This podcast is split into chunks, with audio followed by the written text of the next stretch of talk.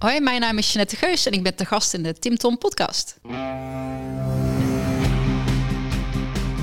Welkom bij de Tim Tom podcast. Ik ben Timothy. En ik ben Tom. Samen zijn wij jouw GPS naar geluk en succes. Dag lieve luisteraars en welkom bij een nieuwe route van de Tim Tom podcast. En ja, eh, Tom, we hebben toch wel een minuutje of vijf moeten lopen om eh, hier eh, binnen te geraken in eh, slot Roggebot. Ja, we hoorden net, het is 52 hectare groot. Ja, dan is het maar goed dat je weet waar dat je naartoe moet. Of we waren hier nog niet, denk ik. Maar het is wel fantastisch. Hè? In het groen en echt wel een slot. Ja, volledig in het hout. En ja, het is van alles te doen. Ja, maar we gaan het straks aan onze, straks aan onze gast vragen wat hier allemaal te doen is en wat dan de toekomstplannen zijn. Maar wie is onze gast? Ja, Jeanette Geus. Ik heb eh Jeanette leren kennen via 12 Waves.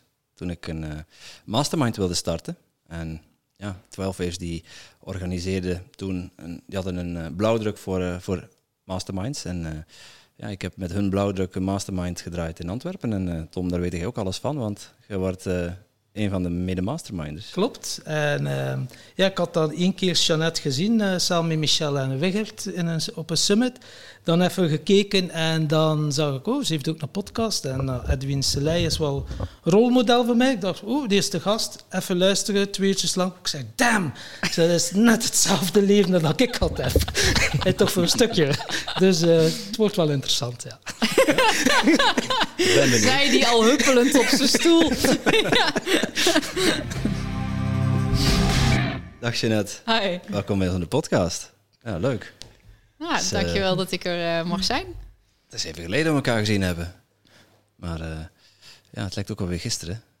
Ja, het is insane. Dat, de afgelopen anderhalf jaar is ook gewoon... Die kan je gewoon deleten uit mijn eh, geschiedenisfile of zo.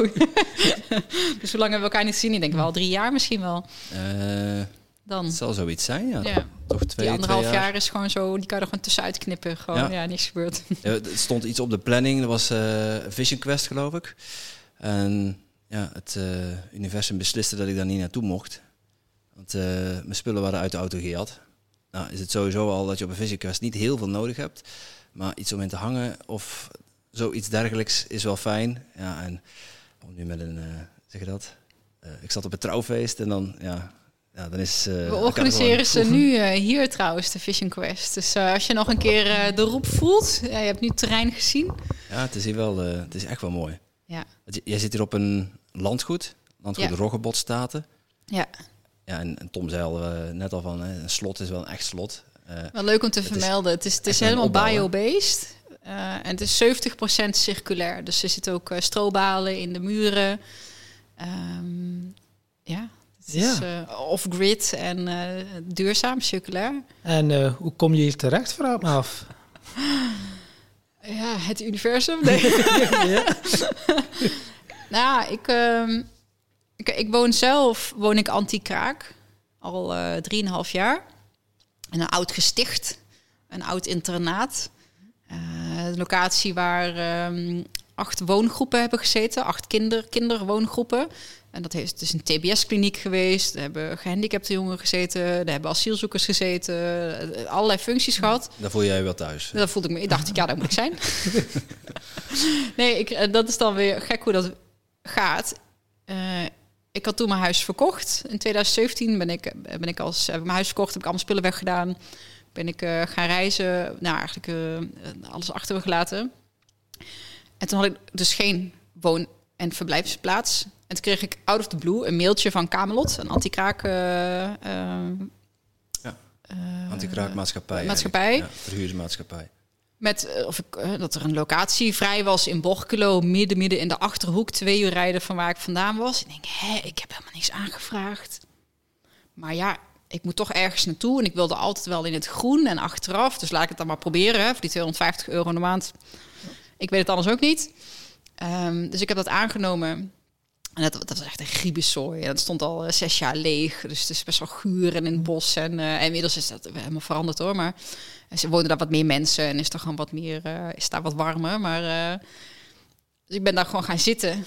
Ehm, en dus daar zit ik al drieënhalf jaar. Nou, fast forward naar anderhalf jaar geleden, toen COVID begon. En toen was ik al veel aan het wandelen zelf. Ik had zelf in de podcast ook wel vaak over forest bathing. En ik was al lekker buiten uh, aan het lopen.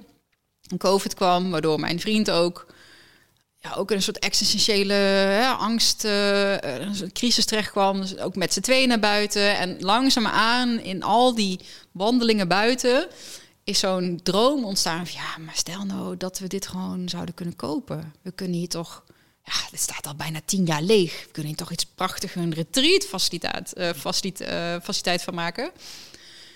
Dus dat is gewoon heel spontaan en uh, groots begonnen. nou, we gewoon gaan proberen en op deuren kloppen en met mensen praten en dingen opschrijven en nog meer schrijven en nog meer praten en nog meer. en uiteindelijk helemaal naar een deal toegewerkt met de inderdaad te verkopen van die leegstaande panden. Eh, ik kon uiteindelijk daar het hele terrein, dat was 26 hectare, er stonden 24 panden op. Uh, nou ja, had ik een deal gefixt, 4 miljoen. Oké. Okay. Geld interesseert me niet. Nou ja, de eerste bod ooit wat ik had gedaan was 4 ton. dacht ja, het staat uh, 10 jaar leeg. Ja, nul is weet. toch niet zwaar. Dus ja. ik denk, Nulletje bij of meer. je, je, moet het gewoon proberen, snap je? Ja. Um, en ergens in dat proces, uiteindelijk lukte het daar niet, want de verkoopprijs was veel te hoog en het moest nog veel te veel geld ook verbouwd worden. En, maar in, die, in dat proces ben ik natuurlijk wel heel veel gaan. Hè, uh, is dat plan geconcretiseerd?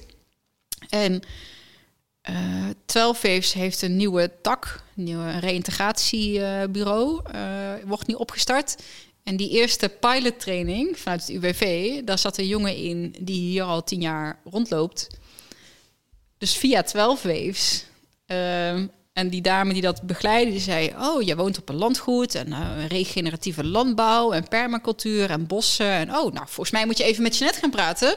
Want die wil een retreatcentrum gaan ontwikkelen in Borkelo. Misschien kun je haar helpen met dat landgoed wat daar nog ontwikkeld moet worden. Want dat is helemaal overwoekerd met bomen en struiken en onkruid. En uh, dus ik ben met hem in gesprek geraakt en ik heb hem mijn plannen laten lezen. Dat was inmiddels een 30 pagina stellend document geworden met allerlei onderbouwingen, referenties en plannen.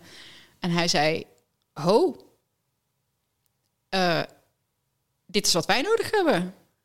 Dus hij heeft gewoon mijn document. Hij heeft daar een alinea boven geplakt. Waarvan ik in eerste instantie dacht: Motherfucker, je kan niet zomaar mijn plan jatten, weet je wel. Uh, Alina boven geplakt. Nou, op Roggebot staat, puntje, puntje, puntje. En toen mijn visie eronder. Hij zegt, wil je dat niet hier doen dan?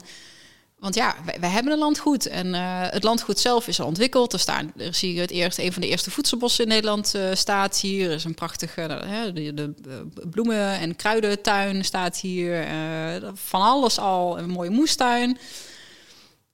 alleen, we mogen nog bouwen. En we wilden dus een leiderschap, spiritueel centrum hier op het terrein. Nou, dat kan misschien dan wel jij zijn met jouw initiatief. En toen was ik nog helemaal in de trenches van Borklo en in die onderhandelingsfase en in die, die tekeningen met de architect en de verbouwingskosten opvragen. Dus ik dacht, nou, ik ga dit wel echt serieus proberen. Ik bedoel, ik ben nu zover.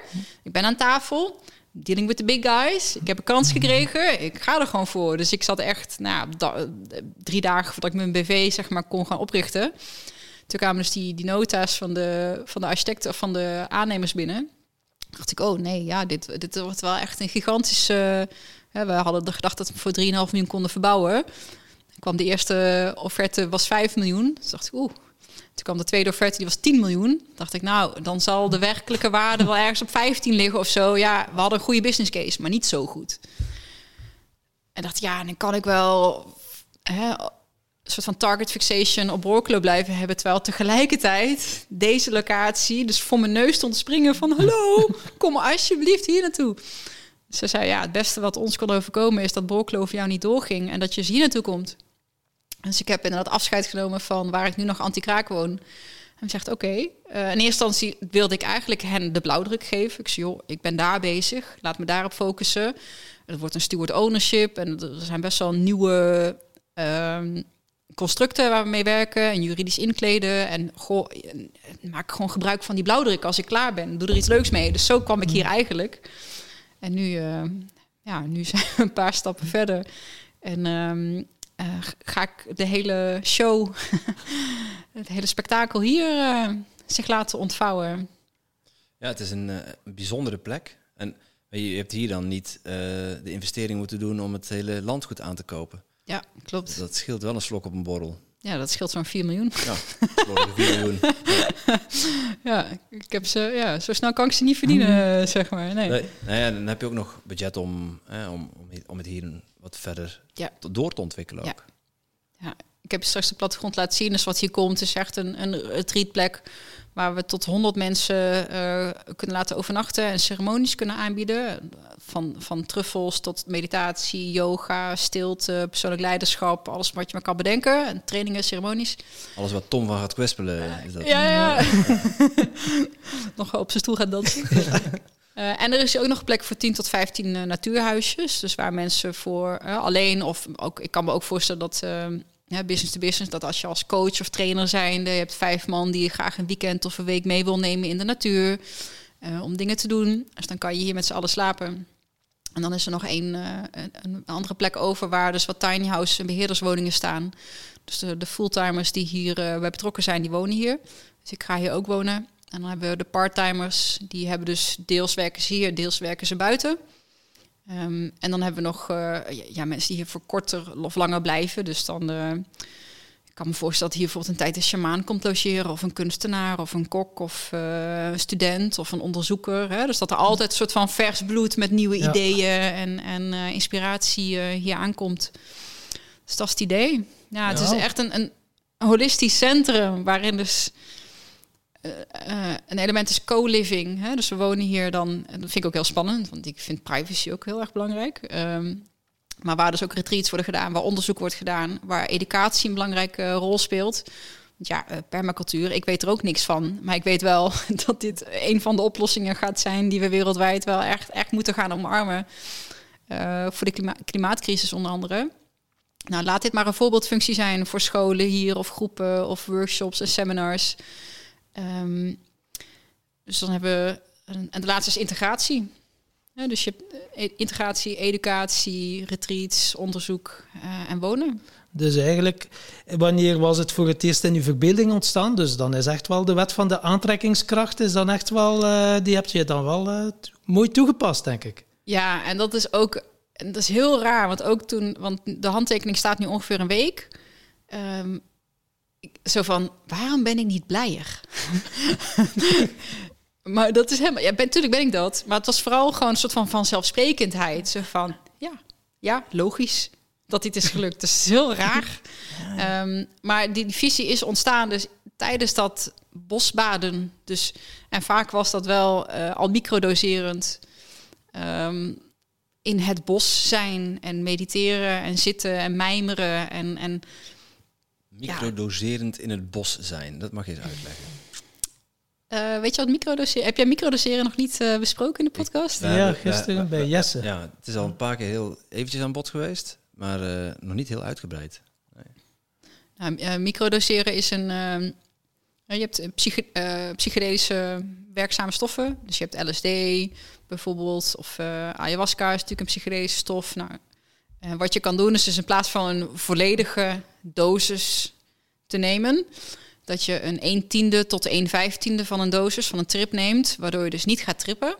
Ehm, maar wel de effecten ervaart van openstaan, eh, creativiteit, makkelijk in flow kunnen raken, je goed kunnen concentreren, eh, goed kunnen reflecteren, ehm, nieuwe ideeën opdoen. Dus het, het wordt een beetje in, in Silicon Valley ook wel ingezet als soort productiviteitshack. Ja, zo designer drugs, eh, ja, dat, dat mensen daar zeg maar, eh, ja, dan beter presteren. En maar ja, dat is dan een beetje het, eh, het andere uiterste. Dat ja, wordt het- wordt dat, is het, het zakelijke. En, en, en ook daar denk ik, ook daar heb je de, de wel mooie persoonlijke voordelen die het voor je kan hebben. Ook al is dat niet de reden om, het op, hè, om mee te starten. En dat merkte ook de eerste keer dat ik had gemicrodoseerd. Zat ik, en ik vind websites maken leuk. Dus als je dan iets doet waardoor je in flow raakt... in één keer was het avond, weet je wel. En dan denk ik, oh shit, ik heb gewoon negen uur... gewoon helemaal in flow eh, mijn ding zitten doen. Wauw. ik wist niet dat ik me zo lang kon focussen, überhaupt. En langzaam is het veel meer geshift naar een perspectief... om het voor hè, persoonlijke groei en ontwikkeling... want ja, ga jezelf maar in die staat bekijken... en, en, en, en de stilte opzoeken... Ehm, waar andere mensen misschien voor, voor naar ceremonies gaan. Hè? Want daar, daar word je soort van gedwongen om. eh, Ja. Ja. En met microdoseren is dat wat subtieler. Dus je, je bent gevoeliger je- en je staat ook meer open. eh, en de drempel verdwijnt. Hè, dus, dus dan loop ik door huis en dan zie je een stapeltje post. En denk, waar je eigenlijk misschien al tien keer voorbij zou lopen. Dat klusje waar je dan geen zin in hebt. Alsof de, de threshold om in actie te komen gewoon verlaagt. Oh, dan doe ik dat maar even. Oh, dan doe ik het toch gewoon even. Dus je, Ja. je weerstand verdwijnt wat of zo. Dus oftewel dat stemmetje wat eigenlijk continu... Ja, ik geen Mhm. zin in, doe maar niet, is moeilijk, lastig. Dat, dat wordt wat naar de achtergrond. Ehm, maar dus microdoserend met, eh, met truffels of met LSD, dus een, een hele kleine portie. En dan in het bos gaan zijn zonder agenda, zonder horloge, zonder telefoon. Gewoon om, om te lopen, om te zijn, tot rust te komen. Van, van de vogeltjes en de bomen te genieten. En dan langzaam, ja, als jij stil bent, hè. Na het eerste kwartier waarin het vooral over mijn eigen ego en mijn eigen drama en alle dingen die gebeuren tijdens een dag. En dan ben je nog langer stil. En dan komt de inspiratie. Oh, maar wat nou als, oeh, wat nou als dit? En zo is dat, ja, anderhalf jaar lang is dat gegroeid, dat belletje inspiratie. En nu zitten we hier. Dus Ja. ik zal iets goed hebben gedaan. Ja, dat is fascinerend. Hè? Ja, ja. En ook, eh denk ja, microdoseren, het valt en staat ook met welke intentie doe je het. Hè? Of dat je zegt, ja, recreatief om een keer even uit mijn hoofd te zijn, of je hebt echt wel een intentie, zoals je zegt, om open te staan en om ja, iets eh, te manifesteren uiteindelijk. Hè? Ja. En het doel was niet van, oh, dit moet gerealiseerd worden. En de reden, denk ik, waarom ik ook zo ver ben gekomen, zonder in paniek te raken. Of natuurlijk heb ik ook momenten gehad dat ik het spannend vond en dat ik onzeker was. En denk ik, oh, het, mislukt. Maar ik was vanaf dag één, I was willing to walk away. Het is geen noodzaak. Eh, als het niet klopt, moet ik het ook niet doen. Hè? Als de investeerders zeggen, dit is niet de goede plek, dan moet ik het niet doen. Dus het is niet zo van, oh, ik moet dit omdat het een bepaald plaatje is wat ik najaag. Ehm, waardoor ik het ook heel makkelijk weer los kan laten. Ja, weet je, als dit het niet moet zijn, dan wil ik dit vooral ook niet najagen. En dat heb ik continu vastgehouden. Tot het punt dat ik bijna dacht van, oh, dat ik me voelde alsof ik morgen ging bevallen en we de kinderkamer nog moest schilderen, weet je wel? Van, ah nee, ik kan nog. eh, ik, wil niet. 24 uur, ja. ik, ik wil, ik wil me niet blind staren op de uitkomst. Maar ik was wel ja, dus zwanger van dat concept en van dat idee. Maar dacht, ja, ik moet me er niet op vaststaren. Want straks, ja, het is, het is zo'n om vanuit anti-kraak, blut, eh, alles achter me gelaten, alles losgelaten, te mogen settelen of steward te mogen zijn van 52 hectare en een retreat-faciliteit voor honderden mensen te mogen ontwikkelen. Dat, ja, als ik me blind had gestaan op Borklo, was ik hier nooit terechtgekomen. Dus het is gewoon afgaan, oké, weet je, wat, ja... Het is, een bijzonder, het is bijna net als met een ceremonie, dat het bijna niet in woorden is uit te drukken. Ja. Zo'n kakofonie aan koppigheid en toevalligheid en, en synchroniciteit en, en nog meer koppigheid. Want ja, je werd natuurlijk wel voor gek verklaard. En eh, eh, wie, wie ben ik nou dat ik denk dat ik in één keer vier ton heb? Laat staan 4 miljoen, laat staan misschien wel eh 10 miljoen. Maar ja, dan ga je met heel veel mensen spreken en van ja, dit idee is echt, echt, mensen vonden het fantastisch. Er is die markt voor, er is behoefte aan. Weet je, mentaal welzijn. Och man, voor COVID was het al erg. Ja. Eh, ik denk dat er een echt nogal een, een, mentale pandemie achteraan komt voor mensen die gewoon echt op een flikker hebben gekregen. Die echt in een existentiële crisis of in een angststoornis of in depressie en in eenzaamheid en, kunnen we dan verslaving. die kunnen we dan nooit volstoppen met antidepressiva, toch? Ja, nee, dan zijn tuurlijk. Dat is de hele opzet. eh. We kunnen ze ook eh, een weekje in de natuur met een hele goede therapeuten eh, behandelen. Ja, En over, eh, ja. Over mentale pandemie gesproken, was bij jou altijd mentaal alles in orde? Of, eh, als je er niet bij zit, zou ik denken van wel. Nou, dat zijn we nog steeds niet. ik weet niet eens hoe iemand gezond mentaal hoe dat. eh, nee. nee, ja. eh, ik- denk dat ik alles wel eh, mee heb gemaakt wat je. Eh, sorry, ik heb een interessant leven gehad. Ja. Dus ja, Met highs en lows. Ja, Ja. Eh, Ja. neem ons even mee. Dus ja, je hebt je jeugd beleefd. Ja, zoals eh, de helft wel. Ja, hier zit er ook iemand die enorm geproefd heeft van het nachtleven. Anderen die studeren dan vooral. dat kan allemaal goed. Hoe was het, of de combinatie van de twee. Hoe was dat bij jou? Zo? Ik, ik was al die, die twee personen in één. Dat was Tim Tom. ja, ja, ja. Ik, ik studeerde psychologie. Oei. Ehm, ik haalde ook altijd hele hoge cijfers. En tegelijkertijd was er ook een soort alter ego... wat inderdaad eh, nou, een fantastische adolescentie heeft gehad... met heel veel feestjes en heel veel drugs. En nog meer feestjes en nog meer drugs en foute mannen. En eh, nou, ik heb overal wel mogen proeven. Eh, ben daar ook best wel diep in gegaan. En dat heeft ook allerlei negatieve mentale gevolgen gehad, uiteraard. Ehm, dus van eh, depressieve episodes naar eh manicaal eh, drugsgebruik. Ja, heb ik er spijt van? Nee, totaal niet. Nee. En ook wat ik heb geleerd in dat loslaten daarvan. ehm, ik ben dat gigantisch dankbaar. Want een verslaving loslaten. En of het. Daardoor kun je bijvoorbeeld ook gedachten loslaten. Hè? Dus iets niet doen. Of het nou een handeling is, of een denken is, of een. Ja, super waardevol om dat te leren. Maar dat kan je alleen leren als je iets hebt om los te laten. Klopt. En de Ja. verslaving oplossen kan je niet, maar je kan wel de oorzaak achter die verslaving aanpakken. En wat was voor jou de, de oorzaak van je verslaving? Ben je er al achter ja, gekomen? nog, eh, onzekerheid, negatief zelfbeeld, eh, weinig zelfwaarde. Eh, ik ben, nou, ik zal een van de velen zijn die heel veel is gepest tijdens mijn middelbare schooltijd. Mijn hele middelbare schooltijd, totdat ik er gewoon de laatste twee jaar gewoon nooit was. Ik spijbelde meer dan de, de populaire eh, club. Omdat het gewoon niet leuk was. En ik, ja, eh, heel depressief geweest. En eh, ja, dan kom je gewoon op een gegeven moment in een vriendengroepje ja, waar, waar wordt gebloot en dan ga je een keer op stap en dan komt een keer een pilletje en van één keer in de paar maanden uiteindelijk nou twee, twee dagen per weekend. Eh, Dat, totdat je op donderdag al begint Ja, en op tot zondag. maandag, eh, eh, ja, ja. ja, precies. Nou, langzaam kwam daar ook kook bij. Nou, dat, dat is wel een beetje een eigen leven gaan leiden. Eh, ik, ik studeerde nog steeds gewoon psychologie hè, in, die, in die tijd. En ik had een baantje in de horeca. En eh, ja, koken was gewoon onze secundaire arbeidsvoorwaarde. Dat, dat lag gewoon beneden in de kelder. Eh, Ik wist waar dat was. Ik was de rechterhand van de kok. Het was een klein restaurantje. Dat was doorstarten, noemden we dat. Ja, het is hard werken in de horeca. Eh, s S'avonds laat, s ochtends weer vroeg eh, met de mise en place beginnen. Ja, dat hoorde er gewoon bij. En ik werkte daar woensdag en op zaterdag. Nou, daar leefde ik echt wel naartoe. Dan kon ik weer... Ja. En dan tussendoor liefst ook nog thuis. Maar ik zat dan het liefst gewoon alleen thuis. Ehm, tot ik op een gegeven moment dacht van... Ja, maar dit klopt niet. Hoe kan ik nou... eh, volgens mij was ik 6 of 7, 26. Ik was toen net klaar of net afgestudeerd of zo, rond, rond die, die tijd. Hoe kan ik het nou allemaal wel snappen en weten en ook echt heel graag mee willen stoppen? Eh, maar het lukt niet. Laat me de lijst met nadelen is vele malen langer dan de lijst met voordelen. En waarom lukt me dat dan toch niet om ermee te stoppen? Dus dan heb ik de telefoon opgepakt en heb ik een eh, kliniek gebeld. Dus de, eh, in Nederland heb je Kentron. Novadik Kentron heet dat volgens mij, een soort Jellinek. Ja. Ehm, en dat telefoontje was, was uiteindelijk het omslagpunt.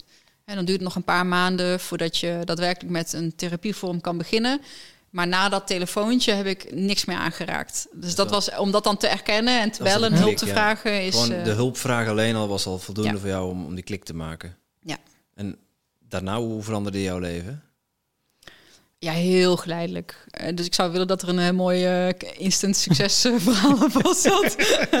Ups en downs. Nu ben nu ben je prinses in het kasteel. Ja, ja. ja, nu zit ik hier, ja. Ehm, nee, ja, dat gaat, dat gaat heel geleidelijk, weet je wel. Ik was eerst gestopt met roken. Of nee, eerst gestopt met, eh, met, met koken inderdaad en met ecstasy. En ik heb ook in een eh, een therapievorm gehad voor polygoongebruiker is het volgens mij. Omdat ik ook wel eens een keer erg gespronkelijk spiert had gebruikt. En misschien ook wel een keertje ketamine. Maar uiteindelijk was het vooral MDMA en ecstasy en cocaïne. Nou, dus dan heb je eerst een training van een paar maanden en uiteindelijk ook groepstherapie van een paar maanden. En dat zat heel erg op eh, uitzoomen, ruimte creëren tussen een impuls en een handeling. Eh, wat ik super waardevol vond. Ja, het, het is het proces daarna. Ja, leuk dat je dat weet. Eh, maar ga het dan maar doen. Hè? Dan wordt het moeilijk en dan krijg je toch weer zin en dan val je weer terug. En, dus dat is een heel geleidelijk proces van continu steeds meer ja, eigenwaarde toevoegen. En als ik kijk naar nu, want we hadden net voordat de eh, opname begon eh, over wat ik wel niet kon eten, dat ik een, een lekker darm heb, wat ik dus ook wel hier aan over heb gehouden. is dat het nu als cadeautje voelt als ik weet wat ik niet mag eten. Omdat ik denk, oh, is dit slecht voor mij? Yes, weet je wel, fijn. Dat is een cadeau dat ik weet dat dat slecht voor mij is. Want dan wil ik het ook niet. Waarom zou ik iets willen eten wat slecht is voor me? Nou, dat zou dus je net van 15 jaar geleden denken. Ja, die wist ook dat kook slecht was. Ja, 9 op de 10 9 op de 10 mensen, 9 op de 10 mensen steken eten in zijn mond waarvan die weten dat het slecht is. Maar ja, als je er geen directe effecten van voelt, dan is het toch lastig om het te laten. Ja, en ook eh, het laten als een soort straf ervaren. Ja, maar het is toch zo lekker. En drugs ook, ja, is toch zo Ja. lekker. Dan denk ik, ja, maar nu is het, het, is het juist een straf om het dan wel te doen. Want ik weet dat het mijn lijf en vooral mijn hoofd gigantisch aantast. Kijk, als ik weet als ik niet goed eet en niet goed voor mezelf zorg, dan voel ik me gewoon kut. Dan voel ik me dan, dan heb ik negatieve gedachten en dan eh, ben ik gewoon minder, zit ik niet lekker in mijn vel, weet je. Dan denk ik echt, waarom zou ik mezelf dat aan willen doen? Waarom? dus ja, het is gewoon, een, denk ik, tien jaar lang consequent bouwen aan eh, ja, meer zelfliefde. En, en psychedelica, om dat terugkomt naar het microdoseren, heeft er absoluut een rol in gespeeld. En je zegt meer zelfliefde. Hoe heb je dat aangepakt bij jezelf? Wat heb je allemaal gedaan voor meer zelfliefde? Ja, heel veel. Vooral heel veel boeken gelezen. Gewoon op, op het gebied van persoonlijke ontwikkeling, eh, groei, spiritualiteit. Ook omdat het, ik heb psychologie gestudeerd, dus ik vind dat sowieso een waanzinnig interessant eh, onderwerp. Ehm, en voor iemand anders is het misschien meer hè, dat je retreats of, of, of, of therapie kan gaan volgen. Eh, dus ik ben gaan lezen. Ik heb niet echt coaching eh, gehad. Zijdelijks een beetje business coaching, maar Ehm, maar uiteindelijk ook dingen als hè, dan echt tot de kern willen gaan. Dus ik had mijn dertigste de diagnose AD, eh, ADD. Omdat ik dacht, ja, ik ben nu al een paar jaar op het goede pad. En ik eet beter en ik, ik gebruik geen drugs. En ik ben hè, met mijn carrière bezig. Ik probeer gewoon een beetje een leuk leven voor mezelf. En ik was nooit een prototype junk of zo. Hè. Ik was gewoon een hoog functionerend student. En ik, ja, eh, hè, waarom voel ik me dan toch zo onzeker en zo rot en naar. En dan nou, een keer naar zo'n psychologisch instituut, dan doe je zo'n test. Oh, je hebt ADD, dus langzaamaan dan gaat dat je gewoon de wens om jezelf te willen begrijpen en hoe zit ik in elkaar en hoe ben ik hier gekomen en in dat proces van jezelf beter begrijpen, vergroot je dus je bewustzijn van jezelf en hoe je in elkaar zit en je conditioneringen, je patronen en je hebbelijkheden. En hoe duidelijker dat wordt en hoe meer, met meer compassie daar ook naar kunnen kijken, ja, dat, dat groeit. Dus het is niet één ding. Het is eigenlijk gewoon de, de wens om ja, jezelf gewoon lekkerder te voelen en jezelf beter te leren kennen. En voor mij was dat wel heel erg ook de opening naar psychologie, of sorry, naar spiritualiteit. Ehm, Ik vind het ook wel interessant. Je zegt, ja, ik ben enorm veel beginnen lezen. Ik had ook na mijn alcoholverslag lezen, lezen, lezen. Maar ik weet nu ook, ja, alleen toegepaste kennis is van waarde. Je kunt blijven lezen. Interessant. Ah ja, een oefening. Ja, ik zal dat straks wel doen. Eh, Ik doe nu wel even verder. Hoe was dat bij u? Jij ging alles direct gaan toepassen, hetgeen dat je las? Ehm, veel wel. En wat ik met dat lezen vooral zo fijn vond, is punten van herkenning. Weet je wel, ik had ergens toch het gevoel, er staat niks nieuws in deze boeken. ja. Maar toch was het elke keer wel fijn om het te lezen. En voor mij was dan de aanraking met 12 Waves, wat ik dan zo leuk vond aan Michel. Dan dacht ik, oh, ik herken wel veel van de boeken. Van eh, Getting Things Done tot eh, de 4-Hour Workweek tot eh, Mindfulness. Maar dan zaten er oefeningetjes bij. Oké, maak deze zin af. Of schrijf Ja. dit op. Zet het wekker op vijf minuten en ga even dit doen. En dat deed ik dan wel. Ik was wel een van die studenten die er nooit was, maar wel alles las en alle opdrachten maakte en ik alle tentamens maakte. Dus ik, ik heb een hoog zelfmotiverend eh, gehalte. Dus ik probeerde dat wel te doen. Maar ik vergat het ook weer. Dus daarom dat je toch blijft lezen. Eigenlijk uit een soort van continue reminder aan jezelf. Ja, hoe het ook kan. Ja. Eh, mensen zeggen ook wel, oké, tegen mij hoort het ook meestal, ja, we zijn nu wel gestopt met alcohol en drugs, maar nu zijn de plantmedicijn eh, constant aan het doen, het is van de ene verslaving en de andere verslaving. Kan je er verslaafd aan zijn volgens jou aan plantmedicijnen? Ik denk dat je aan het gevoel wat het je geeft, dat je daar wel aan gehecht kan raken. Ehm, als ik het naar mezelf betrek, ik denk dat ik het tegenovergestelde van verslaafd ben aan plantmedicijn. Want daar, het is niet leuk. Nee, nee, lekker is het ook niet echt. Hè? Het is niet iets, het is niet iets wat je voor je plezier doet of zo.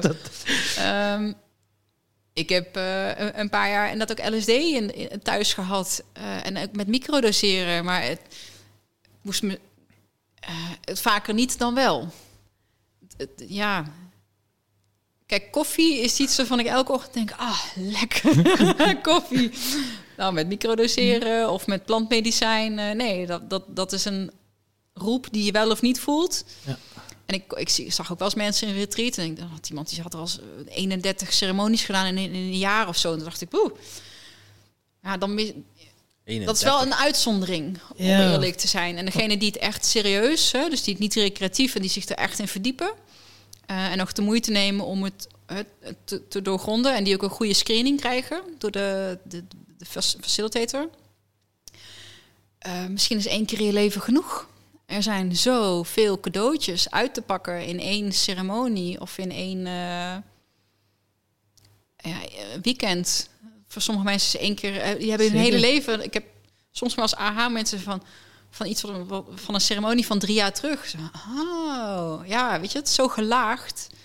Ehm, Soms ook, ja, hoe groot is uw rugzak? Ja, je merkt wel elke keer die diepere laag, maar je moet het ook wel de tijd geven om te integreren. Alle inzichten die je hebt opgedaan, als je dat denkt, oké, het gevoel is over, ja, weer een, een nieuwe ceremonie. Ja, zo werkt het niet. Nee, nee, absoluut. En daarom is die begeleiding en die screening vooraf. Hè, want Ja. je- ik denk dat die wel makkelijk uit te filteren zijn. Mensen die het wat meer recreatief of op een oppervlakkig niveau eh, gebruiken. Ik ben er zelf ook heel bang voor geweest. Want de eerste dat ik er over ayahuasca hoorde, vijf jaar geleden denk ik, toen dacht ik, oh oh, ja, alles ging af in mijn lijf. Ik stond alles, prrr, alle bellen, alle toeters, alle alarmen.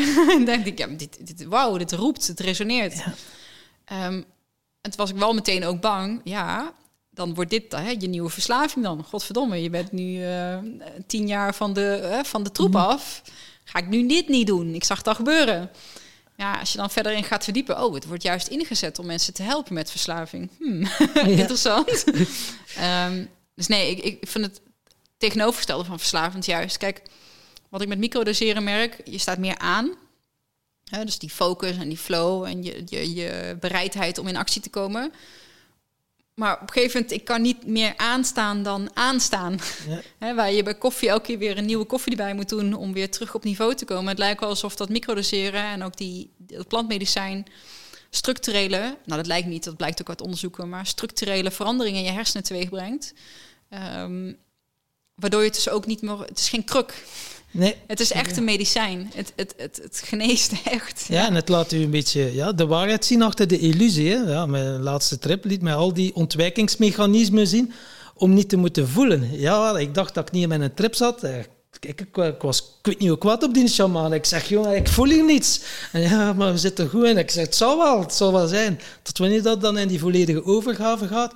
Wow, en dan begon het pas. Ja, maar eh, ja, ego was, eh, was, moest eerst even uitgeput worden. Ja.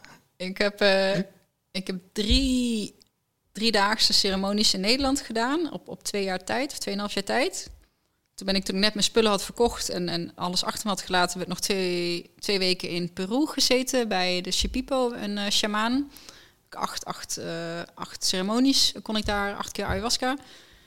Um, en in Nederland daarna nog anderhalf jaar later nog een keer één ceremonie gedaan. En toevallig afgelopen vrijdag uh, de eerste keer met uh, een truffelceremonie.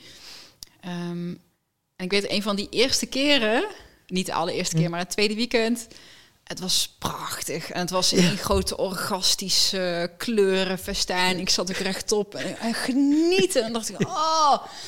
Nog. En toen kwam dat stemmetje. Ja, je bent hier toch niet om te genieten? Hè? Dat kan niet. Je moet werken. dat is het ego. Dus ik nog een beetje bijgedronken. Nou, het, toen kwam het kotsen en het drama en de ellende. En ik was too far gone. Maar dat was ook een les van, hey, chill. ook dat fijne gevoel is ook herstellen. Dat is ook genezen. Dat is de liefde waar, waar mensen dit voor doen. je hoeft niet altijd... Um, je, je, hoeft hier niet te komen om te werken. Uh, je, ook dit is genezen. Dus gewoon liefde en schoonheid uh, ervaren. Uh, dus mijn afgelopen retreat van vrijdag... ook denk ik dat er veel werk is gedaan in de afgelopen tien jaar... Het was een soort van spa voor de soul. Het voelde echt als een, een wellness, een soul een wellnessbeleving voor mijn ziel. Het was een en al beauty, love, hope, trust. Ja. En tegelijk heel veel, hè, ik moest ook heel erg huilen, want het was een moment dat ik zo intens blij was voor onze egootjes die daar zaten. En we hadden het allemaal gefixt. En eh, dat zijn dus ook de facilitator die hier hopelijk komt uh, huren en die therapie komt doen. Ik dacht, oh wauw, wat is er toch allemaal moeten gebeuren? En het is ons gewoon gelukt. Yes, de handtekening staat. En tegelijkertijd huilen, huilen, huilen. En denk, oh, maar het is zo fucking nodig. Om de wereld, ja, dat klinkt al mega pretentieus en groot en abstract. Maar ja, je wil gewoon, het is nodig, weet je wel? Er is zoveel verdriet en, en, en ellende en wantrouwen en... Uh, Terwijl dat je ziet, die, die, licht en liefde, die joy, als je die trilling ervaart, dan heb je zoiets van, ja, dat is toch gewoon het leven, uiteindelijk. Ik hoorde uh, Gabor Mate, zegt je dat wat? Nee. Gabo? Gabor Mate. Een naam. Ja, is een uh, Tsjech volgens mij, een psychotherapeut die uh, met verslaving en trauma zich bezighoudt. Prachtige uh, boeken geschreven. Scattered Minds, ook over ADHD en de relatie met hechtingstijl en uh, met emotionele ontwikkeling. Um, ik een kort clipje van hem gezien. Hij is dus echt heel bekend over verslaving en trauma. Waarin hij dus zelf een psychedelische ervaring had gehad. En waarin hij dus zegt van... Ik snap nu waarom psychedelica wordt ingezet voor verslavingszorg. Want je laat mensen de bron ervaren, de, het lief, de onvoorwaardelijke liefde en het licht en de warmte. En je ziet of dat, of hetgeen jou in de weg staat om liefde te ervaren. Dat is wat het je laat zien. Dat vond ik een hele mooie samenvatting van wat psychedelica is. Het laat je liefde zien en het laat je zien wat jou in de weg staat om dat te ervaren. Ja. Wat zijn jouw recente inzichten? Waar, waar zat het bij jou in de, in de weg? Ja, dus die, die, vrijdag was het dus een al, ja, een soort blessing. Uh, was het gewoon een hele fijne ervaring. En was ik vooral bezig met hè, de, een retreat faciliteit voor de toekomst. Um, waarin je dus mensen met psychedelic therapy kan gaan helpen en ook onderzoek doen. Dus ik vooral heel veel inzicht kreeg van hoe dat eruit zou moeten zien. Um, en het inzicht daar is, ja, weet je, beauty is everywhere. Schoonheid is, liefde is overal. Hoop is overal. Altijd. Als je het wenst te zien. Ja. Want het is er. Het is er nu ook, weet je wel. Het is het perspectief wat je hebt. Um, ja, wil je het zien? Of wil je het, wil je het ontsluieren? Ja, is aan jou. Maar het is er wel. Dat is heel, heel hoopvol, heel mooi. Ja, Zeker, maar uh, dingen die je diep hebt weggestoken, ja, die willen eerst naar de oppervlakte komen. En die shit moet eerst opgeruimd worden. Ja. En uh, ja, is niet aan iedereen gegeven. Hè? Uh, nee. En zo, ja, dat is dan wel een spoedcursus, denk ik, plantmedicijn. Die brengen het wel ja. direct naar de oppervlakte. En wat ik heel fijn vond aan de, de, de, de aanbieder waar ik dat nu had gedaan, is er heeft een voorbereidingscall de dag ervoor is een één op één, ook met de shamaan. Je wordt de dosis bepaald en waarom ben je, wat is je intentie. En dan heb je natuurlijk de sharing zelf, maar ook daarna nog een één op één daarna. Ja, daarna en nog een keer twee weken later. Ja. Je krijgt ook de playlist mee, want het was wel uh, niet met live hè, muziek, wat ik wel eigenlijk gewend was. Maar dat is ook een um, het protocol wat ze voor wetenschappelijk onderzoek en een klinische setting ook. Dus dat, moet, dat is geprotocoleerd.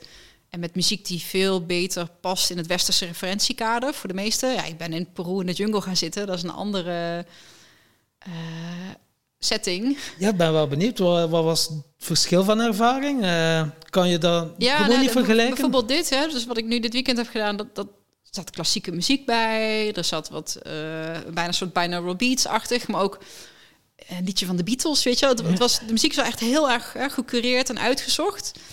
Maar ik dacht, het is bijna een soort kerkmis. Het is bijna een heilige dienst. Uh, waar het dan in, in de jungle... Ja, wat rauwer. Gewoon rauw. Lekker oer. En hè, dan zit je in een ruimte en dan zitten met een aantal deelnemers drie shamanen... die ieder voor hun eigen cliënt aan het zingen waren... door elkaar heen. Wow. en je zat daar... En op een gegeven moment gingen mensen ook gewoon weg. Weet je, er was geen closing. Uh, je sprak de taal ook niet. Ja, weet je, dat medicijn doet het werk wel. Ja, ja. Waarbij, ja, als je ons in één keer in diepe gooit, uh, we hebben iets meer begeleiding nodig en een, een ander kader. Hè? Dus wij, snappen niet, zij zitten in zo'n totaal andere wereld.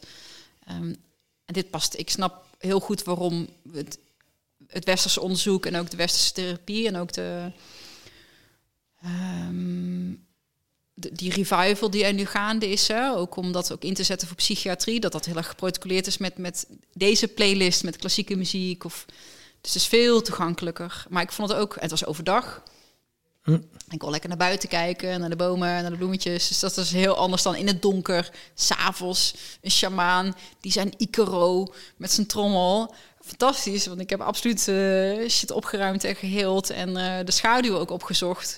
Maar het is ook fijn dat het juist in het licht wordt geplaatst. En dat het veel meer op de liefde en het licht wordt, ge, eh, Ja, dat toe wordt geschoven. Dus ik doe veel, want mijn laatste boog had is dan Afrikaans. Met Afrikaanse rituelen. En dat was, ja, blijkbaar is er een instrument. één snaar, dat was acht uur aan een stuk. één snaar. En ik dacht, what the fuck, maat, wat is dat? En ayahuasca wordt de moeder wel genoemd. Zag de Ja. hele, maar dat is de grootvader.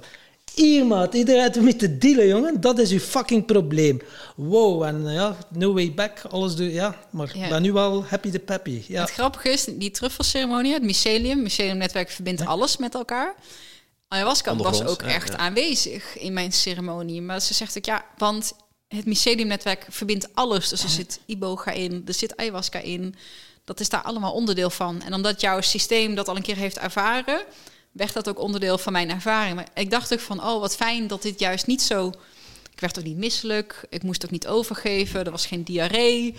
Eh, ik ben wel ceremonies waar ze ook nog even met de rapé voorbij kwamen. Dus als je nog niet eh, over je nek ging, dan was het dan daarna wel. dus veel toegankelijker. Eh, en ik dacht, oh, misschien minder effectief. Hè? Want zachte heelmeesters meesters maken stinkende wonden. Laat Ja. me dan maar zien. Maar daar ben ik toch wel van teruggekomen. Ik denk, dat shock-effect is wat minder. Waardoor je ook wel iets meer open staat voor, voor het stuk daarachteraan, de integratie. Want als het zo ver van je af is en het zo'n shock is met je wereldbeeld, kan het zijn dat je dat ook wegduwt en het dan juist moeilijker integreert. Terwijl als het wat dichterbij is en wat, wat begint mee toe te laten, hè? Die, Ja. die acceptatie gewoon. Ja. Hè? Van oké, het mag er zijn. Ja. Het omarmen, het bestaansrecht geven. Maar als je er gaat beginnen tegen strijden, dan eh, ja, dat werkt niet. Maar ja, dat moet ik u niet vertellen waarschijnlijk. Nee, ja, ik, hè, dus die keer dat ik dacht, oh, maar het kan toch niet zo. Ik, ik kan hier toch niet alleen maar zitten genieten. Wat is dat dan toch? Weet je wel? En dan bijdrinken, ja, en toen ging het helemaal mis. En toen heb ik uiteindelijk, ik heb het ook wel in een van de podcastafleveringen verteld, maar uiteindelijk daar eh, ja, nou, in mijn broek gepoept en eh, gewoon hele, helemaal de weg kwijt geweest. En dan kon het niet meer terug worden gebracht. En dat was verschrikkelijk. Dat is echt verschrikkelijk. Maar de les is, ja, weet je, probeer het nou niet te sturen, weet je. Geniet gewoon, relax, relax, chill. Ja, dan zie wel wat dat er komt. Het is ook oké. Ja. En dat is ook oké. Ja. inderdaad. Ja, ik heb wat minder ervaring met plantmedicijnen. Dus eh, vandaar dat ik ook wat minder vragen stel. Dat is afdeling. Ah ja, we zijn we nu verder. Oké, Ik zit, ja, tof. Ik, zit altijd verwonderd te luisteren dan naar die verhalen. Maar eh, ja, hoe voel je dat je, eh, dat, dat je dat eens moet proberen? Dat, ja, wat ik al zei, op het moment dat je hier naar zit te luisteren of je hoort iemand praten over dat medicijn, je voelt het in je lijf. Ehm, en ik zou ook iedereen die dat voelt willen aanraden, onderzoek dat en, en lees, eh, onderwijs jezelf. Wat is het? Wat doet het? Hoe wordt het gebruikt? En waarom? En door wie? En, ehm, en neem het niet zomaar klak, klak- klakloos aan dat iemand En- zegt, oh, moet je dit eens proberen? Ja, niet met elke organisatie. Dat Nee. intakegesprek gaat wel eerst even voelen is dat Ja. iemand waar dat mee resoneert. Heb ik daar een klik mee en zoek er ook al iets van op eh, van die mensen. Want Nee, eh, ja, je hebt er veel Ja. charlatans tussen ook. Ja, ja, ja. Ik heb er nog geen ervaring mee, maar ik kan mij zo al Charlatans? inbeelden. Ik wel, Met dus. Ah, ja. Ja, Ja. Maar je, je voelt het in je lijf, of het Ja, wel of niet klopt. wat voor je, voor je is. En anders denk je, oh, ik vind het wel interessant. En eh, dan ga je eens wat praten. En denk ja, misschien wel. En er zijn ook manieren om het, hè, dus met microdoseren. Waardoor, en ook daar kan je heel goed in gecoacht worden, bij begeleid worden. Ehm, ja, ga, ga op onderzoek uit, zou ik tegen iedereen willen Ja. zeggen. Eh, het is geen quick fix. En het is ook niet eh, be all end all. Want ik doe ook elke dag yoga, veel yin yoga. Dus veel langere, eh, dus echt vier, vijf minuten in dezelfde pose. Ehm, eh, vaak liggend is dat.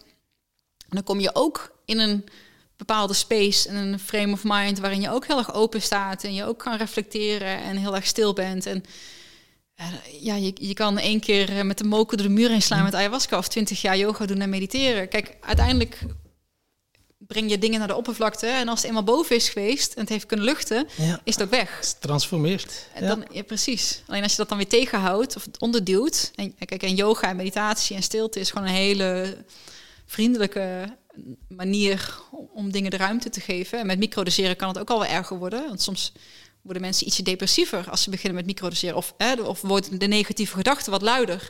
En ik nee, ze worden niet luider. Je hoort ze nu pas, ze waren altijd al luid, alleen je hoorde ze niet. of zo, hè? je bent je er meer bewust van.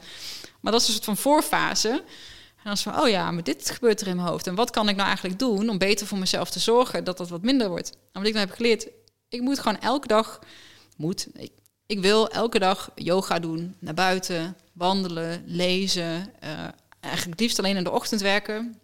Of tot een uur of één, twee, misschien drie. En daarna is het gewoon tijd voor mij. Ja, een podcastje.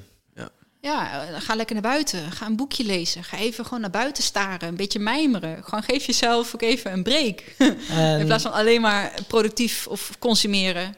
Ja, eh, op de lange termijn eh, breekt je dat zuur op. Ik, eh, ik zit zelf momenteel in zo'n periode dat ja, je gewoon elke keer op heel hoog niveau wil presteren of, of aan het presteren bent. Niet wil presteren, maar gewoon er is zo fucking veel te doen dat je ja, de dingen die gedaan moeten worden. En als je blijft, met, blijft maar gaan, je blijft maar gaan, je blijft maar gaan. op een gegeven moment zegt je lichaam van eh, nu ga je stoppen. Als je niet wil luisteren, Of krijg je een ongeluk, of eh, breek je iets, Ja, weet je wel. Wordt er Ja, iets ziek. Ik, ik zeg je dat, ik ben dan gelukkig gespaard gebleven van een ongeluk. Maar inderdaad, er zijn mensen die, die breken een been of die verzwikken een enkel of krijgen een auto-ongeval. In mijn geval gewoon moe en niet meer, eh, bijna niet meer overeind kunnen.